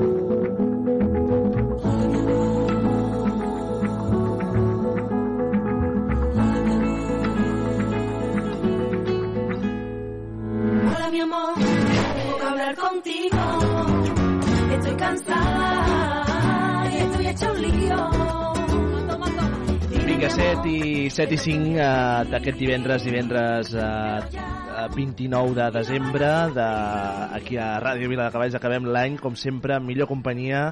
Uh, Trini, com estàs? Bé, Bé i ben brillant, eh? bueno, Podia venir més brillant. Més encara, això és una competició, eh? Però bueno. Escolta, jo crec una competició dic perquè l'Antònia, que tens darrere... Eh, sí. Així. No amb un vestit, sinó amb una brusa. És que clar, aviam, expliquem-ho a l'audiència, al- als radioients que ens escolten. Uh, la setmana passada vam anunciar que faríem aquest especial de uh, cap d'any, eh, que vindrà a continuació després a les 8, uh, amb, una, amb, una, en fi, un simulacre de cap d'any, campanades i, i tot plegat. Uh, perquè diguem que arribem a diumenge sabent com hem de menjar el raïm, en quina manera, si el pelem, si no el pelem, etc etc. Consells bàsics, eh? Consells aquells de manual. Uh, I a més a més vam anunciar també que vinguéssim allò una mica vestits per l'ocasió. Per tant, jo crec que tothom ha complert i amb nota. Eh? La Trini va amb un vestit espectacular, bueno, un vestit, una brusa allò espectacular que brilla. La Dolors també va supermodada. Bona tarda. Bona tarda. Com va? Molt bé, Passant el cap d'any aquí, gairebé. exacte, passant el cap d'any amb tots. Només et falta això. Sí. Uh, Golli no, no ve tant de cap d'any. Hombre, la Goni va estupenda. Eh, va Va estupenda. De fora, però bueno. Elegant. Sí, elegant com sempre. La Carme, que va també espectacular, brillant, de color rosa, i a més a més porta, em sembla, algun complement que ja ens ensenyarà després. Sí. La... que no recordo com es diu. Ah, tiro, tiro. Va. Espera, Roser, Roser, Roser. La Roser, que també la tenim per aquí. Bona tarda. Bona tarda. La Roser també va aquí amb un negre bàsic, però fantàstic i elegant. I tant, no falta... Brillant. Home, és que estic a brillar sempre. Sempre. Aquest, aquests dies, sobretot, però sempre especialment. Sempre s'ha de brillar. L'Antònia, que jo crec que se'n pot... Jo vaig a dir una...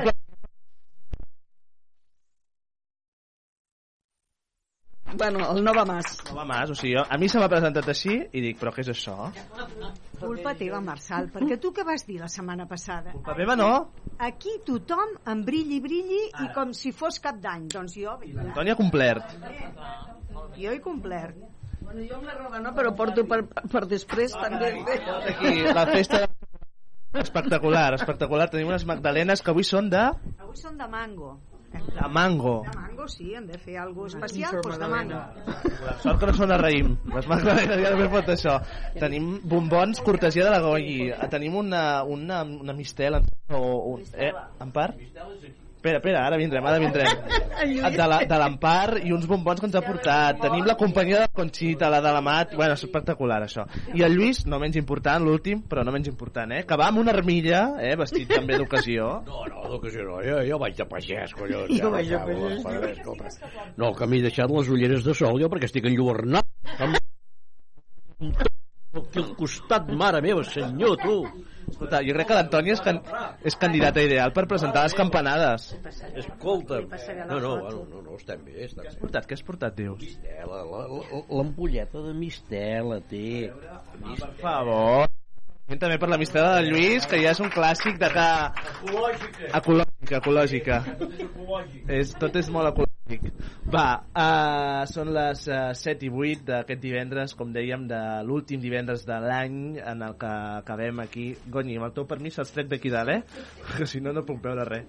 Uh, d'aquest divendres, com dèiem, que acabem aquí a Ràdio Vila fent ràdio, uh, que no, sabem, uh, no ho sabem fer d'una altra manera i per tant ens sembla fascinant poder acabar amb tots vosaltres aquest, uh, aquest any aquí a, a Ràdio Vila de Cavalls. La història que us explicarem, que us explicarem ara és una, una història de vida, de fet una història de, de valentia, de superació, d'exemple. A, a la vida, per bé, per bé o per mal, eh, no hi ha, jo crec que per bé, no hi ha manuals de, de bones pràctiques. Segurament la clau de tot plegat és anar fent i anar tirant a base, a vegades, d'error encert o d'encert error. Uh, però la història d'en Jordi, del Jordi, uh, és de, de manual, eh? de, de manual de, de pràctiques. Uh, ell, quan tenia, quan tenia 17 anys i per un accident de trànsit, tot li va, diguem-ne que la seva, la seva vida li va canviar i des de llavors doncs, va amb una cadira de, de rodes, ara aquest any em fa, fa 36 anys d'aquesta història. Uh, ha passat de tot, segur, traves físiques, però també impediments socials i murs que ha sabut a sobrepassar. Avui amb tots vosaltres, el veí, estimat i apreciat Jordi Dueso. Bona tarda. Molt bona tarda, quin plaer amb aquesta ràdio tan petita i tan plena de, Sí, de gent això sí, eh? somriures i brillant, eh? El- Això és brutal, eh? Això és fantàstic. Estic El- enlluernat. crec, m'ho crec. El, això el 29 de desembre va fantàstic perquè fora fa fred, etc. Però aquí el 29 d'agost és, vaja, diria que és, és de les coses que hem passat calor, eh, aquí dins, per dir-ho suau. Sí. Per dir-ho suau. Sí, sí. Uh, uh, escolta, Jordi Dueso, bona tarda, benvingut a, benvingut a casa. I tant, gràcies Marcel per convidar-me i a més a més, evidentment, per tenir el millor públic que pot haver I aquí a la ràdio. Ja, jo crec que aquesta calor que tenim és del caliu humà. És el caliu, ha, eh? és és el veritat. caliu humà de, de perseverança, de lluita, de totes aquestes senyores. I el Lluís, el Lluís, que que és un pagès, però a part de pagès és moltes més coses que ja ens coneixem. I per tant. mi és un, un plaer, com deies, tornar aquí a casa, en aquest, en aquest espai que miro i quants records, quanta nostàlgia, però per mi és un plaer que la ràdio continua bategant i és viva. I tant. Perquè Ràdio Vila ha de bategar. I tant que ho ha de fer i, i per molts anys per molts anys a, a Ràdio a Ràdio Vila de Cavalls uh, clar, en, en aquí tu hi has estat vinculat uh, ja de fa molts anys de fet vas començar aquí, pot ser? Vam començar aquí, sí, sí. Eh? Abans amb la Conxita ho dèiem que tota la, tota la vida lluitant i també lluitant Clar. per tenir aquesta ràdio. Clar, clar, clar. A nosaltres, Marçal, ens deien els quatre de la ràdio. Els quatre? Els quatre, quatre replegats de la ràdio, no? Érem el, el Jordi Miró, el Jordi Miró, el Jaume Mercè i l'Ignasi Pons. Uh -huh. Que tots quatre doncs, volíem fer ràdio, volíem comunicar. Volíem, mira, com la, la veu de Vila de Cavalls, no? com estàs portant tu, perquè volíem donar mm, llum a aquestes opinions que passava i llavors també doncs, va costar molt perquè no, no hi havia un espai per fer ràdio ara tampoc tenim un espai òptim per fer ràdio perquè sí que és veritat que fa molts anys que s'està dient que hem de tindre un espai en condicions i això no és un espai en condicions això és el menjador i la sala d'estar del metge de fa molts anys, no? O del professor. És veritat, I eh? és Això així. donem constància perquè És és, és veritat que aquesta ràdio queda petita i en dies com avui es veu, però hem tingut dies també de certa potència i cert caliu humà a vegades no tan agradable com el d'avui, que evidentment enlluernats per aquesta, per aquesta bona gent que ens hi acompanya, doncs és fantàstic, però, però en fi, hi ha dies que no ho és tan d'agradable, però bueno. Uh, tots sabreu, tots sabreu. Uh, un món sobre rodes. Un món sobre rodes, sí, sí. Com es viu això? Com es viu? Rodant. Rodant, bàsicament. és un món, és un univers. Sí que és veritat, jo, com bé deies, eh, aviat farà 37 anys, 37, 37 anys vaig tenir un accident, un accident de tràfic, vaig caure per un pont, em vaig quedar allà atrapat, vaig estar en un hospital, els primers dies em donaven dies de vida i ara Marçal don vida als dies. Perquè Doncs vida Don dies. vida als dies, els dies s'ha de donar... I cal, cal, cal que quedi molt clar, és una persona molt resilient, abans ho comentàvem amb la companya, vaig estar l'altre dia amb el, amb el Gaspar Fernández, amb, amb l'ofici de viure, i ara ho tornaré. La resiliència és l'experiència de la vida que tot i les batzegades, tot i les sotregades, que tots i totes tenim a la vida, tot i totes en tenim, vale? treure d'aquests moments més difícils, més foscos, com intentar treure les oportunitats per en sortir-se'n el millor possible. Això no vol dir que siguin fàcils, són molt difícils, són tremendos aquests moments. Però, per exemple, tenir un espai com Ràdio Vila, totes les persones que tenim aquí, cadascú porta la seva motxilla, el seu sac, la seva dificultat, no? Però petits espais que poden ser de passió motivació, amb aquesta perseverança, amb aquesta alegria, fa que les tristors no siguin tan tristes i de tant en tant enlluernin i puguem tirar una mica, mica endavant. A mi Ràdio Vila, eh, per mi ser una teràpia, Marçal.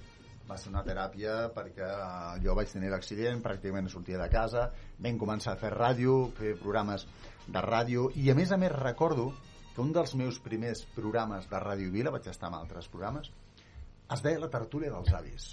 Ah, sí, eh? La tertúlia dels Ostres, ara m'has avis. donat una idea. I em sembla que Lluís havia vingut alguna vegada. Lluís havia vingut alguna La vegada. Mati m'ha obert molt els ulls, no va per tu, eh? Sí, sí. També, també, eh? També, també. I llavors va ser fantàstic perquè jo sempre dic la bellesa, la gent gran són els grans historiadors que, que els hem de cuidar, els hem de mimar I tant. perquè tot el que saben, tot aquest bagatge eh, fa falta donar veu com aquí a Ràdio Vila I tant. I, i ho fem, ho intentem fer uh, encara que els mòbils de la Mati no sempre ens ho permet no, és broma, és broma. escolta'm, uh, què és la resiliència? què és? què és aquest concepte de resiliència? És molt fàcil d'explicar i és difícil de posar en pràctica. Saps que jo vaig fer un treball de recerca sobre la resiliència? Ostres, uh, i tu me preguntes a mi què és la resiliència? Bueno, és que després d'uns quants anys ja va bé refrescar-ho clar. Mira, la resiliència, mira, jo porto molts anys, porto set anys fent xerrats de resiliències a, empreses, instituts, escoles i tal, no? I sempre ens dedica amb els joves, perquè estem passant una època després de la Covid que molts joves estan en situació molt adversa, ¿vale? amb problemes de temes psicològics, mentals i tot això. Llavors, la resiliència és la capacitat de sortir-se enfortit després d'una gran adversitat, d'un trauma, una dificultat, tant sigui petita com gran. ¿vale? Com deia abans, tots en passem d'aquestes dificultats. Poder tenir aquesta capacitat en aquests moments tan difícils a la vida, que tots i totes en tenim, com poder-ne sortir enfortit, amb ganes, amb experiència i encara amb més ganes de lluitar en aquesta vida. Jo sempre dic, quan vaig a aquestes xerrades, els dic amb els joves, jo podria dir, mira, la resiliència és la capacitat d'afrontar els problemes, la capacitat de manera positiva en sortir-se'n bé. Me'n vaig. Això és molt fàcil dir. Però llavors, com ho fem? I aquesta és la clau de la vida, de la resiliència, com podem, quan tenim una gran adversitat, uh -huh. quan ens hi trobem, uh -huh. Que ens costa aquesta energia, aquesta empenta, com ho podem fer? I aquesta és la clau, aquesta és la clau. Buscar el perquè de tot plegat, amb aquesta foscor, com en podem en sortir. Clar, clar, ho expliques. Jordi, de, de, de, no? la ràdio d'aquesta Sí. aquesta història, segur que ho saps, que que s'escolta, no? La ràdio es fa, es pot, eh, no? S'estima, no? Es, fa, es pot fer moltes coses, però, però per, qui la, per, qui la, per qui està des de casa, no? S'escolta. Um, i, I llavors hi ha la narració de la ràdio, que és fer ràdio. Um, des del punt de vista de fer ràdio, uh, hi ha moltes coses, moltíssimes, que, que s'escapen no? dels oients que no tenen aquesta, aquesta sort, potser a vegades, perquè com ara mateix doncs jo crec que és una gran sort tenir-te aquí entre nosaltres, uh, hi ha moltes coses que s'escapen de lo que és la veu, no? Uh, quan expliques no? el que és la, la resiliència, és quan expliques també la, la teva història, la història d'un món sobre rodes no? i de rodant uh, a la vida i de donar-li sentit als dies i a la vida, uh, ho expliques amb una mirada molt, molt enèrgica, no? Ho, ho expliques des d'un punt de vista de, de vitalitat que, que jo, vaja, em costa molt trobar persones que visquin uh, la vida amb la vitalitat de la qual vius tu, no? Um, per tant, la resiliència crec que també és això. Clar, és que la resiliència, el punt final de la resiliència, d'haver-ho aconseguit, és, tot i haver passat molts, moltes dificultats, molts traumes, moltes adversitats, Clar, clar. en sortir- en sortir-se'n enfortit. I el més important és quan et ve una nova batzegada, perquè te'n vindrà, després d'una pedregada en ve una altra, vale? després d'una dificultat en ve una altra, ja tenir més o menys unes eines personals tu de com intentar, com intentar. No diem, és possible, ho hem d'intentar, uh -huh. vale? perquè moltes persones no poden i això també Clar. ho hem de tenir conscient. Intentar. Llavors, jo crec que ja tinc les meves eines de quan venen sotregades, quan venen moments difícils, de traumes, com poden ser pèrdues de persones molt estimades, Mhm. de com intentar buscar unes tècniques per començar a en sortir-se'n. Mhm. vale? Jo sóc una persona molt pràctica, perquè, com he dit abans, diria això, no? La resiliència, capacitat d'afrontar els problemes de manera positiva, i ja ho, vinga, espavila. Però davant, per exemple, jo m'estic trobant cada vegada més instituts, nois i noies que fa pocs dies han perdut un company, una companya, Clar. o que després d'una xerrada una noia em diu "Mm, jo creo que no voy a llegar mañana. Això una jove.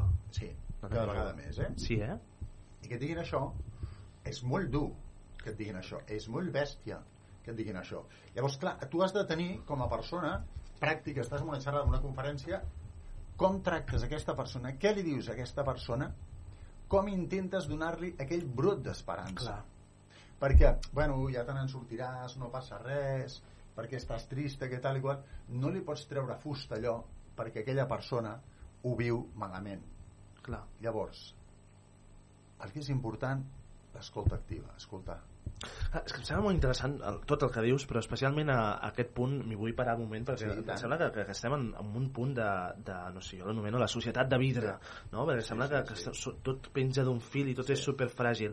Um, clar, en aquest sentit vivim també l'era digital i l'era digital té evidentment molts avantatges com, com la majoria de, de, de coses en el nostre entorn, però també té molts inconvenients, un dels quals doncs, és aquesta afectació a, a la salut mental. De fet, la Mati ens ho apunta moltes vegades i ens ho pot dir, eh? A, a, que la, la, els trastorns, no? les problemàtiques eh, en termes de salut mental han triplicat els seus, eh, els seus historials, els seus històrics en els darrers, en, eh, no sé, en fi, un període de, de molt breu, de 5 anys enrere, no? Vull dir que és una cosa que, que sembla impensable eh, i de quina manera això també, doncs, eh, eh, allò que expliques, Jordi, des del punt de vista de- d'exemple de, de superació, de, de resiliència, de, de, de sobrepassar doncs, aquests murs, eh, clar, ho, ho expliques amb aquesta vitalitat que deia abans, però sobretot ho expliques eh, havent superat moltes fases, segurament, al darrere.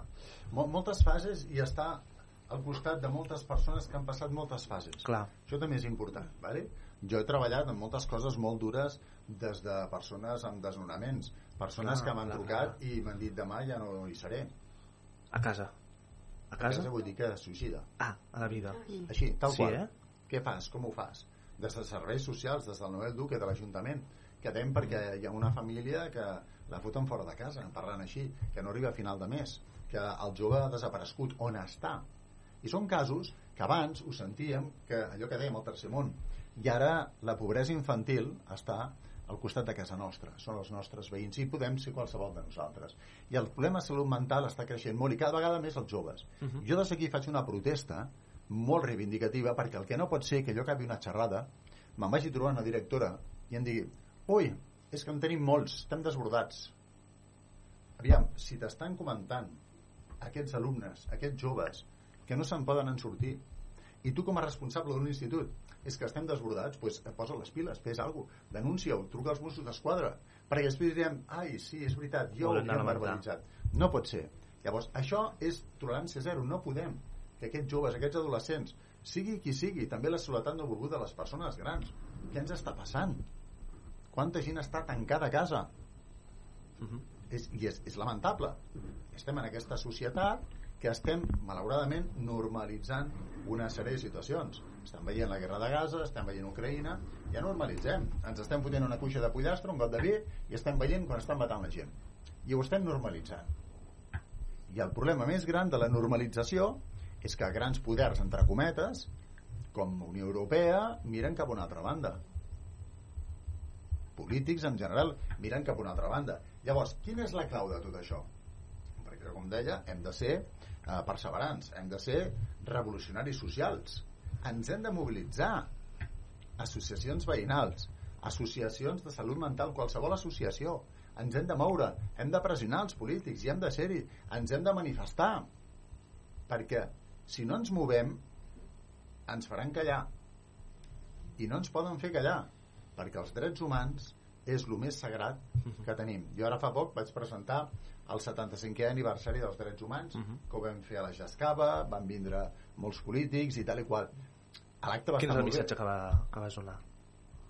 El missatge és el que dic.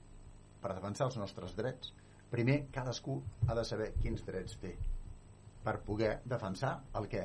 I després ens hem d'anar a les associacions de veïns, Clar. associacions d'on sigui, moure, protestar, denunciar, i hem de ser-hi, perquè és que ens estan trepitjant els nostres drets, ens estan vulnerant la nostra integritat. I el dolent d'això és que ho estem normalitzant. Estem normalitzant que cada vegada hi ha més nens i nenes que no fan els dos àpats cada dia. Clar, el, el, uh, clar, el, discurs, al fons, uh, crec que tothom ho pot entendre en aquest mateix estudi. Veig cares que van fent l'assentiment no? uh, uh, de que sí, però, però no passa res.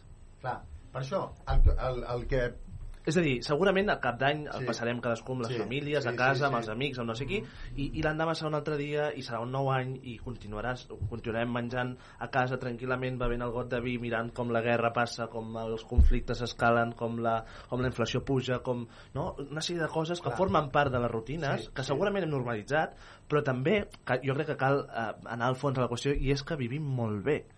Vivim molt bé. Vivim acomodats, si vols. Sí, bueno, alguns viuen acomodats i d'altres viuen a peu de carrer. Clar, segur, cada segur, vegada segur, tenim més segur, que dorm al carrer. segur, segur. I això passa a Terrassa. Sí, sí, sí. I mirem cap a una altra banda. Llavors, Marçal, de què podem fer? O sigui, què podem fer cadascú i nosaltres? Jo tinc aquí molts contactes de molta gent Uh -huh. i estic a Prou Barrer, és una plataforma que defensem els drets de les persones amb capacitats diverses. Sí. Vale? Nosaltres no fem cap instància cap Ajuntament. Anem directe per les xarxes socials o jo tinc el contacte de la majoria de polítics de Terrassa si és un tema de mobilitat, un altre, si és un tema de, del barri, si és un Mhm. tema de cultural, doncs jo envio la imatge directament al polític. Directament al polític. Per que el polític és el que és responsable de la gestió de que les persones doncs tinguin la seva dignitat i la seva seguretat a cap, cada ciutat no? Mhm. Llavors, a partir d'aquí és així i si no contesta fem una roda de premsa I ho denuncieu. i denunciem denunciem perquè és que els drets si es vulneren s'han de denunciar. Llavors jo encoratjo a tothom el que dic que vagi a les associacions de veïns veïnals que es mobilitzi, que hi vagi perquè és la manera d'intentar-ho. Perquè també en aquestes, a, Terrassa hi ha moltes entitats moltes associacions hi ha mm, els pensionistes que, que cada dilluns es troben també hi ha de Defensem la, la Pau tema de la guerra també hi són i, i hem de ser-hi, i hem de ser-hi i, i amb constància en els barris i junts ho hem de lluitar ho hem de lluitar però llavors l'altre seria si em sembla Marçal sí, tant. per posar-ho en pràctica jo tinc un mètode perquè jo no vull ser com la majoria de polítics o gerents d'empreses que parlen i parlen i parlen i no diuen res les accions no hi són vale? llavors el que em deies abans vale, resiliència, capacitat de superar les... com ho podem fer? Clar, això com, com s'aplica a la pràctica? Fer? I abans anava lligat al tema de la ràdio Uh -huh. que la gent no ens veu i amb, com vaig a un institut, per exemple els hi dic, mira, escolteu el que vaig a dir i si voleu tanqueu els ulls i us poseu en situació jo m'he inventat un mètode que es diu el mètode del croissant de xocolata negra el mètode del croissant de xocolata negra m'encanta perquè ningú sabrà què és ni l'Antònia que és cuinera perquè no anirà per aquí no anirà per aquí vale? llavors i amb el Gaspar ga- l'altre dia li vaig comentar li vaig proposar i li vaig dir quin és el... I, el, i esteu tots convidats el dijous 11 dijous 11 a les 12.30 11 de gener? sí, 11 de gener 11.30 us espero a totes i tots a l'ESCAC a l'auditori on hi ha el vapor universitari que faig una xerrada sobre què és el mètode del croissant de xocolata negra és la màxima tècnica perquè poseu en pràctica quan esteu en un moment de foscor. Perquè jo sempre li dic als joves el dol no és tan sols quan perdem una persona estimada. Un dol pot ser quan se'ns mora un gos o un gat. Un dol, un dol pot ser quan un fill se'n va de casa, una filla. Un dol pot ser quan agafem la grip ens constipem un dol pot ser quan deixem la feina quan es deixa la, la parella. Els joves quan suspenen un examen quan no li compren el mòbil que volen el dol perquè ve del dolor vale? llavors quan Sí, sí. estem en una situació cadascú, imagineu-vos la situació que vulgueu ho posarem en pràctica, molt fàcil cadascú en una situació que no ho porta bé, en una situació que crea tristesa, que crea dol, que crea impotència, que crea no me'n surto, és que no puc, allò que eh, no tenim l'energia per tirar endavant. Pues el mètode del croissant de xocolata negra és molt fàcil. Jo m'encanten els croissants de xocolata negra, ¿vale? Llavors, quan estiguem, els dic amb els joves, quan estigueu a casa, que esteu enfadats, esteu tristos, pel que sigui, pel motiu que sigui, no cal que me'l dieu, vale? no vols sortir de casa, estàs emprenyat, emprenyada, tot és una merda, aquest món, el que sigui, en aquest moment, tu has de visualitzar alguna cosa, qualsevol cosa que t'agradi, però que sigui factible, que sigui propera. No em diguis un jove que es vol comprar una moto que val, no sé, 22.000 euros, o que se'n vol anar a la volta al món. No, algo que sigui proper, algo que ho puguem fer realitat.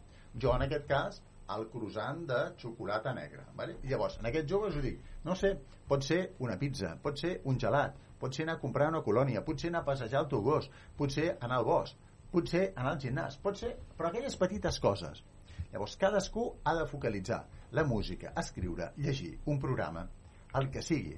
Llavors jo els dic als joves, quan esteu en aquest punt, vale, el que heu de fer, per exemple, hòstia, us foteu una bona dutxa, vale? us foteu una bona dutxa. Busqueu, busqueu, perquè aquí, els que estem aquí i amb els joves, tots i totes tenim una amiga en comú. Tenim una amiga en comú. Quan això els dic als joves ja els descol·loco ja els descol·loco. Quan li dic, a, a més jo sóc molt provocador, m'acosto amb ells, els dic, escolta'm, com dius? Uh, Mohamed, què tal Mohamed, com estàs? Hosti, quin pendinat que portes, ja m'agradaria a mi. Escolta'm, saps que, tenim, saps que tenim una amiga en comú? Vaig amb una altra, vaig preguntant i tots... A mi m'encanta provocar i descol·locar, ¿vale? I l'amiga en comú que tenim tots i totes es diu música. Perquè la música és la nostra millor amiga. Per què? Perquè triem la que vulguem.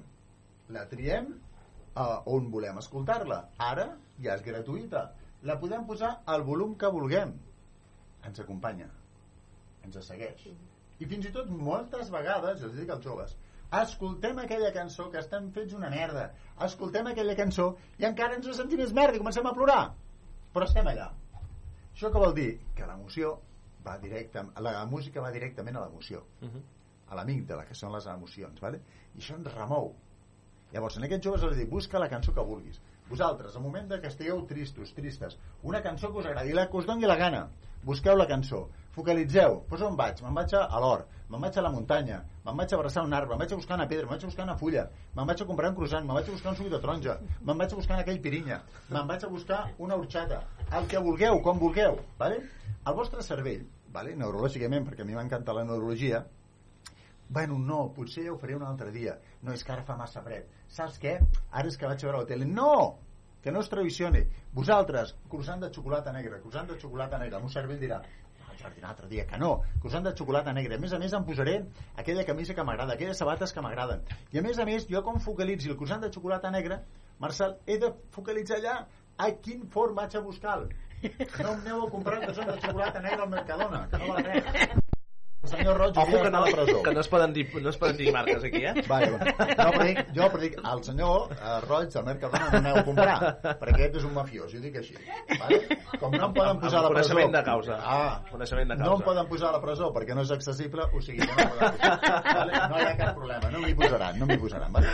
Llavors, focalitzeu, croissant de xocolata negra, aquell forn, aquell tan interessant, sortiu, vaig escoltant la meva música, pensant en el meu croissant de xocolata negra. Quan arribo al forn del croissant de xocolata negra, el meu cervell, les meves neurotransmissors ja comencen a activar-se, comencen a alegrar-se, perquè penseu que moltes vegades quan estigueu a qualsevol lloc, imagineu alguna cosa que us agrada, dibuixem un somriure, i no ho teniu. Ara podem estar aquí, imaginar alguna cosa que ens agrada i se'ns escapa un somriure. I no la tenim! Per tant, què vol dir això? Que neurològicament el nostre cervell, les neurotransmissions, estan allà. Per tant, arribo al forn, miro, croissant de xocolata negra. Quan jo No miro croissant de xocolata No negra... ha. No n'hi ha, me'n vaig un altre. Això és referència. No hi ha croissant, me'n vaig un Me'n vaig altre. Me'n vaig un altre. I si no dic, escolta, em em pot fer un croissant d'aquí una hora? Ja està. I, Alternatives. i, si, I si això passa a les 3 de la matinada no hi ha cap forn obert? Busco una altra cosa que pugui ser possible. Val, però ja frustres, eh? Perquè no tens croissant de No, xocolata. però llavors aquí és la resiliència, que tens molts camins oberts. Saps? Jo, per exemple, imagineu-vos, bueno, això seria una putada. Imagineu a les dues de la nit, vale? que vull un croissant de xocolata negra. Clar. Soc tetraplègic, no em puc moure. Allà accient. Hòstia, un altre dia sóc una putada. Dic, no, què faig? Vale. Doncs pues vinga, vaig a pensar demà a quins llocs puc anar a buscar croissants de xocolata negra. I a més a més aniré al Ribera que em fotin una horxata ben bona. I a més a més m'aniré a la llibreria Cinta a buscar un llibre de superació. Però a més a més, com farà bon sol, m'aniré a donar una volta al Parc Sant Jordi. I passaré per allà i trobaré una pedra. I diré una senyora, senyora, pot agafar aquesta pedra? Hòstia, brutal! És brutal! I l'endemà tinc tots aquests objectius. Vale? Després arribaré... Una llista llarga, eh? Molt llarga, molt llarga. Després què passarà? Arribaré, l'autobús no hi ha la rampa, que no funciona la rampa, el conductor no sap com és la rampa, truca a l'empresa, que tal que qual... Però llavors ja estàs acostumat. Això ha passat, eh? Sí, i tant. Això passa sovint, cada setmana hi ha alguna. Cada setmana hi ha una partitat. Vale? Llavors focalitzeu això. Quan arribo a buscar el croissant de xocolata negra, focalitzo el croissant. Els meus ulls ja estan veient i el meu frontal i prefrontal ja estan organitzant tota aquesta emoció. I quan agafo el croissant de xocolata negra, senyors i senyores, li foto una mossegada superplaent. I els hi dic amb aquests joves, i comenceu, arribeu a casa. I una cosa superclau i important de la resiliència. Quan vosaltres no heu pogut sortir de casa, us ha costat, i ho heu fet, valoreu-se, estimeu-se. No he pogut, em costava, tenia tristor, he sortit, I ho he fet. I ho he fet. I ho he fet jo, i m'estic fotent aquest croissant de xocolata. Això no solucionarà el problema, però crearà uns neurotransmissors al vostre cervell que ajudaran a poc a poc. I l'endemà, una altra vegada. L'endemà, la perseverança, perquè la vida és passió, motivació, perseverança i sobretot capacitats que tenim tots i totes. Jordi Dueso, són dos quarts i mig de, de vuit. Estàs bé? Jo sí? sentat com sempre i perfecte. cap problema, cap problema. Sí. Escolta'm, uh, en alguna entrevista Sí. uh, t'hem escoltat uh, dir o t'hem llegit dir uh, que malgrat tot no t'has privat mai de viure amb aquesta intensitat sí. que ja remarcàvem al principi, has viatjat, has dit has anat amb, amb avioneta, has fet i fas en definitiva, uh, dius el que t'ha donat la gana. Sí, jo sempre intento fer el que em dongui la gana. Encara que aquella gent em posa traves, busco altres camins per fer-ho. Per què? Perquè en aquesta vida hem vingut a viure. A viure-la. A vegades ens oblidem, ens, ens n'oblidem clar, de clar, viure. clar. Eh? Jo valoro la vida, jo valoro la vida. Jo, molta gent moltes vegades creient em deia, home, Jordi, tu, no sé, gràcies a Déu, gràcies a aquest, gràcies a l'altre. Jo respecto. Però però si jo estic bé, amb caire rodes. O sigui, jo ara caminar, mare de Déu, ara sí que tinc un problema, ara. caminar. Mare, després de caminar, jo no me'n recordaria. Els meus músculs no funcionarien. Per tant, jo no vull perdre el temps amb això, jo el vull viure el temps. I la millor manera de viure el temps és amb passió i motivació. Jo, jo sóc conscient que tinc un Acceptació. de, de bogeria. Sí, hi ha una cosa que és molt important abans de l'acceptació. Jo ara fa, fa 3 anys vaig fer un curs de tercera generació de psicologia en una universitat uh -huh. i tot era, jo he sentit tota la vida uh, com era? Era uh, acceptació, superació acceptació, superació no, hi ha la clau primer que és consciència Consciència. la consciència és el primer jo, posa el meu cas com jo he d'acceptar si jo no sóc conscient de les meves limitacions del que em passa. Primer, tindre consciència posa el meu cas. Bueno, sóc conscient, tinc una lesió medular molt alta no em puc moure, no podré anar potser a buscar bolets, no podré córrer no podré vestir-me, no podré despullar-me no podré dutxar-me sol, tot això no podré.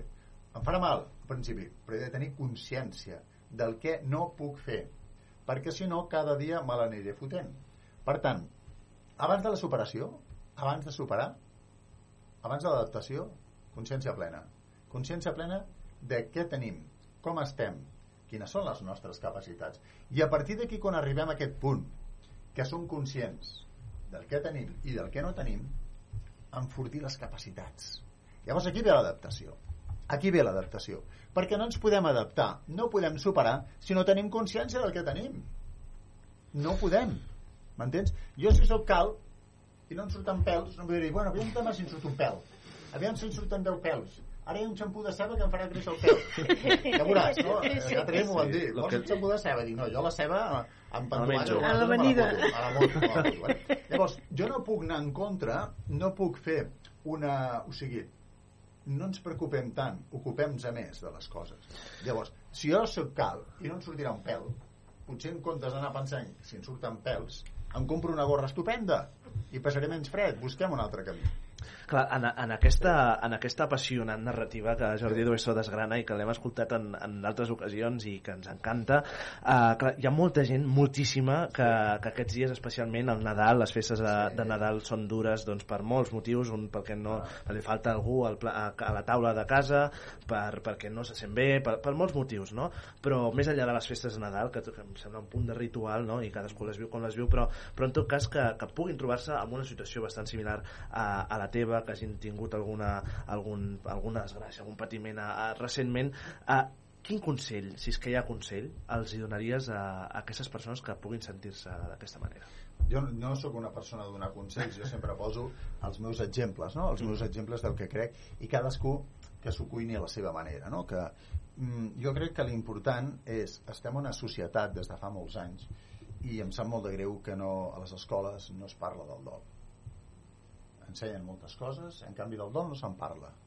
El dol de perdre un familiar el dol de tindre una malaltia el dol de morir-se un gat el que sigui. A les escoles no se'n parla del dol. Quan tots i totes sabem que des de que naixem fins que ens morim triguem més o menys ens morirem i passarem moments difícils. Per què no parlem del dol? hem de parlar del dol. S'ha de parlar. Perquè si parlem del dol perquè se n'ha de parlar també de la mort de les adversitats i tot això ja tindrem aquesta consciència que dèiem i sabrem que en segons a quins moments com intentar afrontar-ho com intentar tirar endavant. I la consciència també donava per aquí si perdem un ser estimat hem de ser conscient que aquell ser físicament no tornarà. I és un procés i cadascú té el seu procés, el seu tempo vale? la seva vivència. Però com ho podem, la teva pregunta com podem anar fent a poquet a poquet música, escoltar aquella cançó en un moment, dibuixar, pintar recordar, recordar recordar, perquè el record sempre el tindrem. L'amic de la que és el tema de les emocions. Llavors, si hi ha alguna persona, hem perdut alguna persona o una persona que està en una situació difícil, que analitzem les nostres emocions a través de la música, a través d'escriure, a través d'una passejada. I la clau també és, que jo tinc una xerrada que m'encanta, el voluntariat et pot canviar la vida. I és així. El voluntariat et pot canviar la vida. Amb els joves els hi dic, vale? de voluntariat, jo col·laboro de fa molts anys, Moa Solidari és una associació de càncer infantil aquí a Terrassa, he col·laborat moltes vegades amb Sant Joan de Déu, he anat a fer xerrades a Sant Joan de Déu i a vegades estem molt enfoscats en el nostre món, en el nostre cercle, en les nostres tristeses i a vegades també alegries i és important conèixer altres realitats Uh -huh. per què? Si coneixem altres realitats valorarem més les nostres vale? llavors, ostres quanta feina que hi ha a fer no sé, a barris, a menjadors socials a persones amb, eh, que tenen discapacitat ajudar-los, col·laborar. Però també el mateix, quan fem un voluntariat la clau és fer un voluntariat amb allò que a tu t'agrada. O sigui, a una persona, a una senyora si no li agrada la cuina no la faràs anar amb un voluntariat de cuina perquè no li agrada la cuina si a un senyor no li agraden els gossos que vés a cuidar gossos que no m'agraden però el voluntariat és interessant Que el portin a cuinar. Bueno, veus, has de buscar, i aquí a Terrassa tenim molts voluntariats. I a més el voluntariat ha de quedar clar, Marçal, un voluntariat no vol dir que hagis d'anar cada dia. Vale? Per això ja has de tenir un compromís. Si tu et compromets dijous a la tarda, de 4 a 7, me'n vaig a fer un voluntariat. Vale? Pot ser un cop al mes, el que sigui. Perquè en aquest voluntariat coneixeràs altres realitats, coneixeràs altres sentiments, altres pensaments, altres mancances. I més, probablement reaccionar, reaccionaràs, diràs, home, doncs això que té aquesta persona, jo ho tinc. Jo tinc el plat a taula. Uh -huh. Jo tinc un llit. Jo tinc algú que em fa una abraçada. Entens? Jo he conegut realitats un jove de 23 anys que portava 4 mesos sense sortir de casa perquè anava en cadira. La seva mare treballava 16 hores amb un club elitista de Terrassa cobrant 900 euros. No arribava. I això és una discriminació. Aquí uns quants vam moure cel i terra i vam aconseguir una cadira manual, i vam aconseguir una cadira elèctrica, i vam aconseguir un esplai, vaig aconseguir que dos polítics anessin a casa seva. Dic, aneu, aneu a veure la realitat, aneu a veure, aneu, aneu. Vale, educació. Aquest noi té 24 anys i no sap llegir encara. Doncs pues aneu. El dret a l'educació, el dret a l'habitatge. Aquest noi no pot sortir d'allà. Doncs pues bueno, pues ho afrontes i ves a... Veus les realitats i valores més el que tenim jo cada dia a casa, jo sóc un afortunat, hòstia, visc a Vila de Cavalls, tenim una, una natura, tenim una tranquil·litat, tenim el nap al carrer, que encara a vegades no vas... Ara, ara quan venia dic, adéu, bona nit! Hi ha un silenci. Sepulcral. Sí, és que està ple de gent sorda últimament. No, no, no, Serà això, serà brutal, això. brutal. Hi ha molts taps, hi ha molts taps, hi ha un repunt de taps Però, a les però no fa falta això, eh? Només, només que vagis amb un ascensor i pugi Ah, algú. Escolta'm una cosa. Escolto la cosa que vulguis. Què és la vida? La vida és la gran passió que no podem deixar de perdre cada moment. La vida és la gran passió que no hem de deixar de perdre cada moment. És que és la passió. Passió i motivació. Sí, clar, però primer ve la passió. I resiliència. Clar. Mira, la passió. La passió podria ser... Ara m'ho invento, eh? Posem un cas. La passió. M'apassiona la muntanya. Bueno, bueno, però què, què et motiva de la muntanya? O sigui, vale, passió muntanya, però què? Bueno, la meva motivació és anar a buscar bolets. És anar a respirar l'aire natural. És anar a caminar a la muntanya. Per tant, la passió és el genèric, lo gran. La passió, un que digui, m'agrada la cuina. Bueno, ja, però què t'agrada? Menjar, cuinar, les amanides, els postres, t'agrada eh, anar al mercat, o sigui, la passió és molt àmplia. Llavors hem d'anar acotant la motivació. A mi, per exemple, bé, com deies, ostres, jo he estat, mmm, fa uns anys vaig córrer amb el campió del món de ral·lis del 2019 júnior, vaig córrer amb ell, vaig, vaig un tram, eh, he fet submarinisme al Mar Carib, a punt de morir-me, vaig estar navegant al canyó del Sumidero a Mèxic envoltat de cocodrils vaig anar amb avioneta ostres i, i estic aquí amb moltes més il·lusions vaig tetraplègic de- d'Espanya a nedar ostres Nedar, em, eh? em vaig empassar una d'aigua em vaig empassar una d'aigua brutal i a més us explicaré una cosa curiosa vale? a mi no m'agradava no m'apassionava ni em motivava vale? però jo hi anava i m'ofegava hi havia un noi que m'aguantava a Sant Rafael m'aguantava vale? i era l'únic, jo l'únic no? i es deia José, José, Sí. José i mira, José, que jo no torno, que no torno. Que no hi manera. passo fatal. O sigui, em portava mon pare a arribar a casa i al llit, mal de cap, bueno, i, i, i estava tit perquè estava mig ofegat. Estava tanta aigua, ¿vale?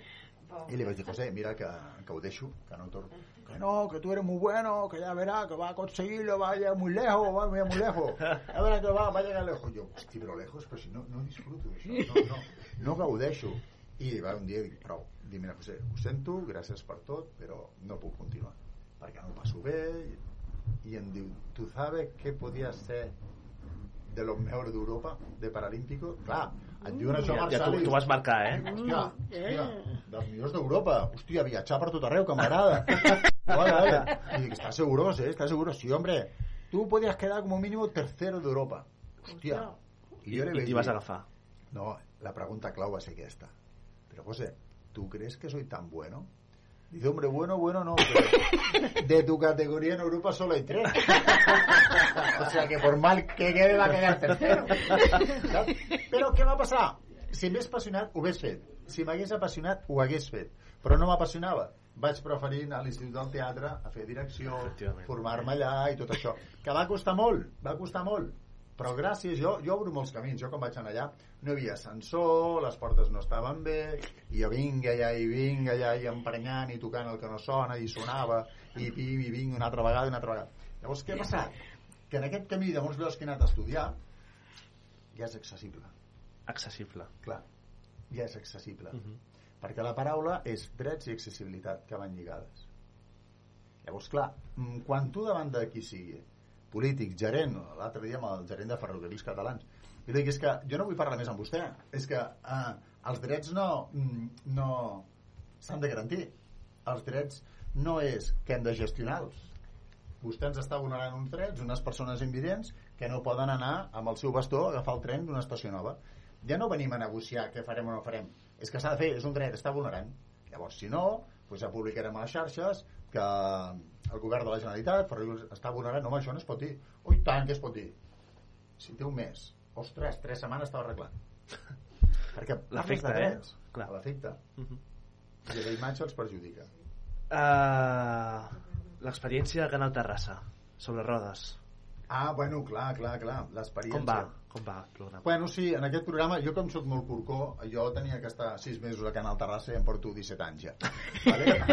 jo crec que ja no em foten fora perquè... ens ta- agua caliente. tanca, ens tanca el xiringuito. Tanca el xiringuito. No, jo ara actualment sóc productor d'un programa de ràdio i televisió, El Submarí, i jo fa molts anys i anys vaig proposar molts programes, un és del Club de la Saviesa, que era, va començar de gent gran, vam fer quasi 300 programes, va ser molt interessant, alguns de vosaltres veu venir, eh, en part, algun veu venir a cantar per aquí, sí. Llavors, eh, vaig proposar el sobre rodes. El sobre rodes era entrevistes a persones conegudes, famoses, vale, que tinguin un vincle amb la ciutat de Terrassa, uh -huh. però posar-los amb una cadira elèctrica també, Amb una cadira elèctrica. com la meva. Uh -huh. vale? Llavors, aquí ens vam trobar, vaig tenir a l'Uri Bonet, que és el baterista de Love and Lesbian, mm. el Pere Arquilloé, estimat d'aquí Vila de Cavalls, sí? però una de les sorpreses més grans va ser a l'Antoni Abat. L'Antoni Abat, 17 anys, el president de la, de la SECOT de, de Terrassa Sí. i també ara de Mútua. Vale? Jo parlant amb la seva secretària, la Raquel, i ell va, va decidir anar amb cadira elèctrica. Clar, penseu que anàvem amb el tema de l'Antoni, sortir des de la Secot i fèiem la ruta fins a arribar a Mútua. Però això era eh, en pla seqüència. Pla seqüència és des de que comencem a gravar fins que acabem no podem parar. No es pot parar. Portàvem càmeres GoPro i tot això. I érem tres persones. Jo, que presentava, vale, un eh, realitzador i un que més o menys ens guiava per on podíem anar. Però clar, penseu que jo sortia amb l'Antoni i tenia 25 minuts i no em podia passar. Però clar, ens trobàvem barreres, ens trobàvem gent que saludava, eh, impediments, i va ser una experiència brutal. Va ser una experiència molt maca, perquè no va ser un programa de protesta d'accessibilitat, però es visualitzava en algun moment. Clar, aquell programa, què costava molt? Que després el realitzador del programa tenia que volcar totes les càmeres, totes les imatges, i eren moltes hores editant un programa. Ara faig el mateix, en el programa que es diu L'Entrevista, que entrevisto tots els dimecres a dos quarts d'onze, repetició altres dies, persones conegudes, famoses, i el que m'interessa més no perquè són conegudes i famoses, sinó de la seva vida, de les seves experiències. Vaig entrevistar, tots coneixeu la Montse Armengou, també el Ferran Moreno, que està a TV3. I tant, i tant. Vaig entrevistar l'últim dia a una noia molt joveneta que arribarà molt lluny, que és la Natàlia Scott, una nena de 16 anys, Uh -huh. que està a primera divisió, me llevant les planes, és... Bueno, però el que m'interessa més és què s'amaga darrere la persona, què li agrada menjar o no menjar. Uh, vaig entrevistar l'Enric Carrera, molts el coneixeu, que havia viscut aquí a Viladecavalls, catedràtic, i el que m'interessava més que és ornitòleg. Ornitòleg. Ornitòleg. Toma. Vale, és un catedràtic, és, és una eminència, ha anat per tot el món sobre el tema de les fibres tèxtils, però jo... Eh, Enric, quin ocell t'agrada a tu? Per què t'agrada la gallina? I per què perds... I per què això i per què no l'altre? I, I a mi m'interessa això. I per acabar el programa ens va dir una recepta per Nadal brutal. Jo sóc molt provocador i m'agrada anar més enllà. Ah, És una cosa que persona. pre- no t'hem preguntat abans. Com et defineixes a tu, Jordi? Jordi Duesso. Jo ui, podria ser moltes coses, però jo, un comunicador provocador i defensor dels drets humans. Provocador, eh? Provocador sempre. Provocar sempre. Només pensa que fa, fa poc vaig fer un curs de, de, de parlar en públic i tal i qual, vale? i em van preguntar el Pep, Bras, que és un, guionista Pep? Pep Bras. Pep Bras havia estat amb el Buenafuente, amb la Mhm. Julia Otero, i ara tinc un, Sí. estic treballant amb ell un guió de teatre, vale? Uh -huh. i em va dir, Jordi, tu quina creus que és la teva potencialitat de comunicació? Dic, home, està claríssim la meva cadira. Clar, perquè jo quan vaig a un lloc, jo encara no he parlat, no he dit res, però veure la cadira és un xoc. Per tant, jo he d'aprofitar. Això és la discriminació positiva. He d'aprofitar la meva cadira, he d'aprofitar la meva experiència, la meva duresa, de com superar tot això. Perquè jo els dic amb tots aquests joves, si jo he pogut fer tot el que he fet des d'una cadira, amb poca mobilitat, per què no, no ho intenteu vosaltres? Almenys intentar-ho. Llavors, el que em dona, Marçal, eh, una alegria tremenda, perquè les persones resilients són fortes però també plorem, eh? També ens Home, enfonsem. i tant. Quan I han de ser aquests moments. hem de ser-hi. I a a més hem d'entendre qui són. Jo a vegades quan estic trist, bueno, és que estic trist i he d'estar trist, tinc motius per estar trist. I em poso aquella cançó parlant clar que em fa sentir que era una merda, però ho hem de viure també la tristor. Vale? Fa poc vaig fer una xerrada a l'Institut de Terrassa hi havia una, una, una noia, 16 o 17 anys, que em sonava, que em sonava, que em sonava. I havia anat a l'Institut d'aquí a Viladecavalls. I em va dir, mira, fa dos anys vaig escoltar una xerrada teva que vas fer. Avui estic aquí. Potser, si no hagués anat a la teva xerrada, ja no hi seria aquí. Que et digui això? Fuà, és la màxima energia. És brutal. això té un retorn... Buah, a l'Instagram que m'escriuen Sí, eh? històries. Clar, tots han sigut adolescents i és una etapa. Clar, els adolescents estan en un procés de maduració neuronal. Com bé sabeu, un adolescent igual i una noia que li agrada un noi que és l'amor de la seva vida, que està enamorada i que no li fa ni cas i que porta 3 hores i no li ha contestat al WhatsApp i tal i qual s'acaba el món. Allò per ells és molt trist. I nosaltres És diem, un dol, és un dol, eh, clar. dèiem abans. i llavors nosaltres diem però si no passa res. Però sí que passa perquè ho viuen molt tot. Les emocions ho viuen molt. Llavors amb les xarxes, l'Instagram el Twitter, tot això que pengen, no pengen però tu has d'entendre que és un procés psicològic neurològic que estan vivint. I no li pots dir, no, no passa res. Si no aquest noi vindrà un altre noi. Ja està. No, has d'entendre i ha de viure, de com fer-ho i fer entendre la consciència que és un procés de maduració tot plegat. Uh, hauríem, haurem d'acabar, tot i que no acabaria, eh? Ha, Um, hi ha més dies que llonganisses Ah, tant. Uh, jo crec que hi ha una cosa que avui volia dir aquí en antena i en directe Sí. uh, eh, hem tardat 8 anys eh? aquest programa, té, aquest programa té, ha fet 9 anys ara recentment sí. Uh, però hem tardat 8 anys, crec, a, a fer uh, aquesta, aquesta entrevista. Ho dic perquè el Jordi Dueso, com, com dèiem, com a presentàvem al principi, és, uh, és veí de, de Vila de Cavalls i, i un referent uh, doncs arreu, arreu del territori, però, però especialment també a casa, i, i crec que no sempre ha estat de, de justícia això que, que estic dient, uh, però que crec que és just, uh, especialment de dir-ho. Per tant, d'entrada, disculpes, uh, perquè hem tardat aquests 8 anys de fer aquesta entrevista que crec que s'havia de fer uh, molt, molt abans. Uh, en segon lloc, agraïment, agraïment per ser-hi, agraïment perquè crec que ara està repassant i abans que hem fet una mica el repàs al principi del programa de les històries de vida que hem, uh, que hem pogut explicar doncs, aquest 2023, diguem-ne que, que tu entres en el pòdium dels tres uh, primers, eh? Uh, a la Ja n'hi ha més, I eh? n'hi ha moltes, n'hi ha moltes, perquè em ve, em, ve al cap, em ve al cap la història de la Míriam Moró. La Míriam Moró és una jove, eh, 22 anys, que amb, amb, en fi, amb 17 anys es va quedar embarassada, eh, la parella el va, la va deixar, eh, va tirar endavant tota una, la filla sol, no? Us sonarà. El mes d'abril ens va visitar, de Gironella, ens va visitar aquest, eh, en aquest programa. Eh, tenim altres, molts altres casos, eh? Tenim la Mary Duran, que també ens escolta des de Cardona, que ens va venir a explicar doncs, la, la, no? el, la, la, el fet de la cultura popular com un fet de, de, també de resiliència, no? de que segurament ens ajuda molt a, la, a connectar amb les emocions, amb la, no? uh, i, i infinitat de, de, de casos de, de persones, i el Jordi Dosso doncs, que amb aquesta vitalitat, amb aquesta empenta, amb aquesta vida que porta al damunt i que, transmet, doncs uh, ens ha explicat en aquesta tarda, en aquesta última tarda de divendres de, de l'any 2023 i en el qual li estic molt agraït i que espero que sigui la primera de moltes col·laboracions a, a plegats. Uh, Jordi, has estat bé? Com a casa, eh? Com a casa, eh? Com a casa, sí. Ben tornat, i llavors no, no cal que em demanis disculpes perquè no he estat Crec esperant just 8 de fer-ho. anys que em truquessis. No, no, per sort. He estat fent moltes Per coses, per sort, moltes per coses. per sort. Tot cal dir que esperava la teva trucada algun dia, dic, ja arribarà, ja ens trobarem. I ja, estem, ja ha arribat. Ha arribat, ha arribat. El, el tema és eh, no esperar perquè t'acabes desesperant. Està Fes clar. coses a la teva vida perquè la vida te les regalarà. I tant. I un altre dia us parlaré de les causalitats. Causalitats. Que no existeixen les causalitats. Hi ha una causa que és el que fa passar les coses. I hem d'escoltar la vida del per què de tot plegat. Ets admirable. Empar, No. parla, parla. Tot un exemple a seguir. El micro... Vols preguntar alguna cosa? És que, Què, Empar? no? És que, No? Pom. mm, que t'admiro perquè... eh, Jo també et miro, també. també. perquè és, et conec des de fa molts anys, he seguit tota la teva història, vull dir, ets una persona que t'has imposat, com ho has estat explicant molt bé.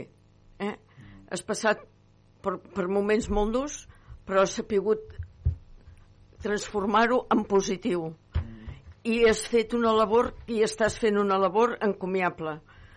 Això això no es pot, no té preu, vaja, això que per molts anys encara continuïs. Gràcies. Gràcies, Empar. Mati, no sé si vols afegir alguna cosa o Conxita. Ui, jo no sé si vull afegir alguna.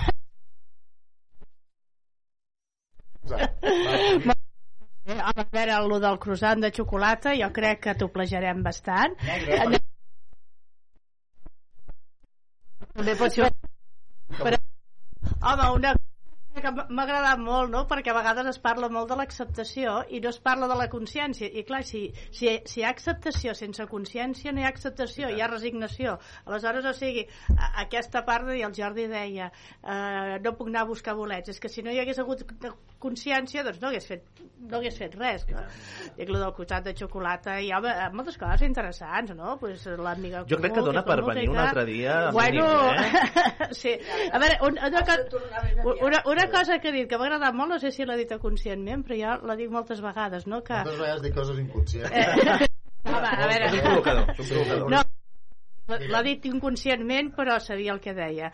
No, no sé si m'ha quedat bé. Però bé, de, de que moltes vegades quan li dius a les persones ostres, però mira que has fet això. Sí, he fet això però m'ha costat molt. El Jordi ho ha dit al revés. Malgrat m'ha costat molt, ja ho he fet. Clar, i la, la, el missatge que arriba al cervell és totalment diferent no? per això dic que no sé si ho has dit quan, quan parlaves de sí, pues, a la nit eh, després vas al matí no funcionen les plataformes i, i, tota, i tota aquella pel·lícula que ens havia ajudat a passar la nit sobretot quan em desperto a les 3 de la nit que són l'hora dels fantasmes se'n va tot a, sí, se- se'n va tot a Norris però allò, m'ha costat però ho he fet o sigui, un altre podria dir ho he fet, però és que m'ha costat molt ell no, ell ha posat de dir malgrat m'ha costat, ja ho he fet Acabem amb la Conxita. Si Jo no sé què cosa. dir-te, Jordi.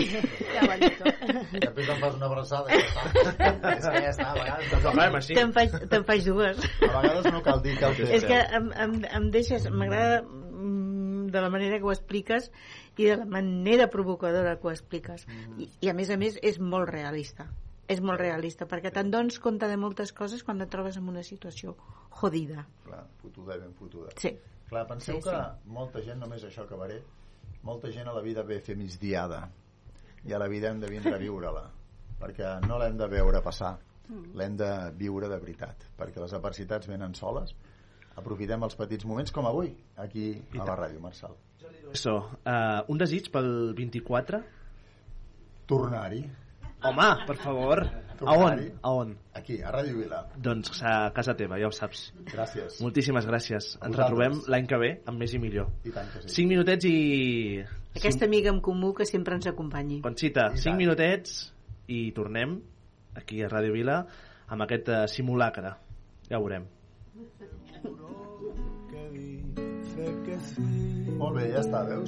Hoy vas a tener lo que siempre has querido tener. Vas a batir todos los récords solo por joder. Es el día de la hora H, uno entre un millón. El día en que Jerry por fin es cazado por Tom.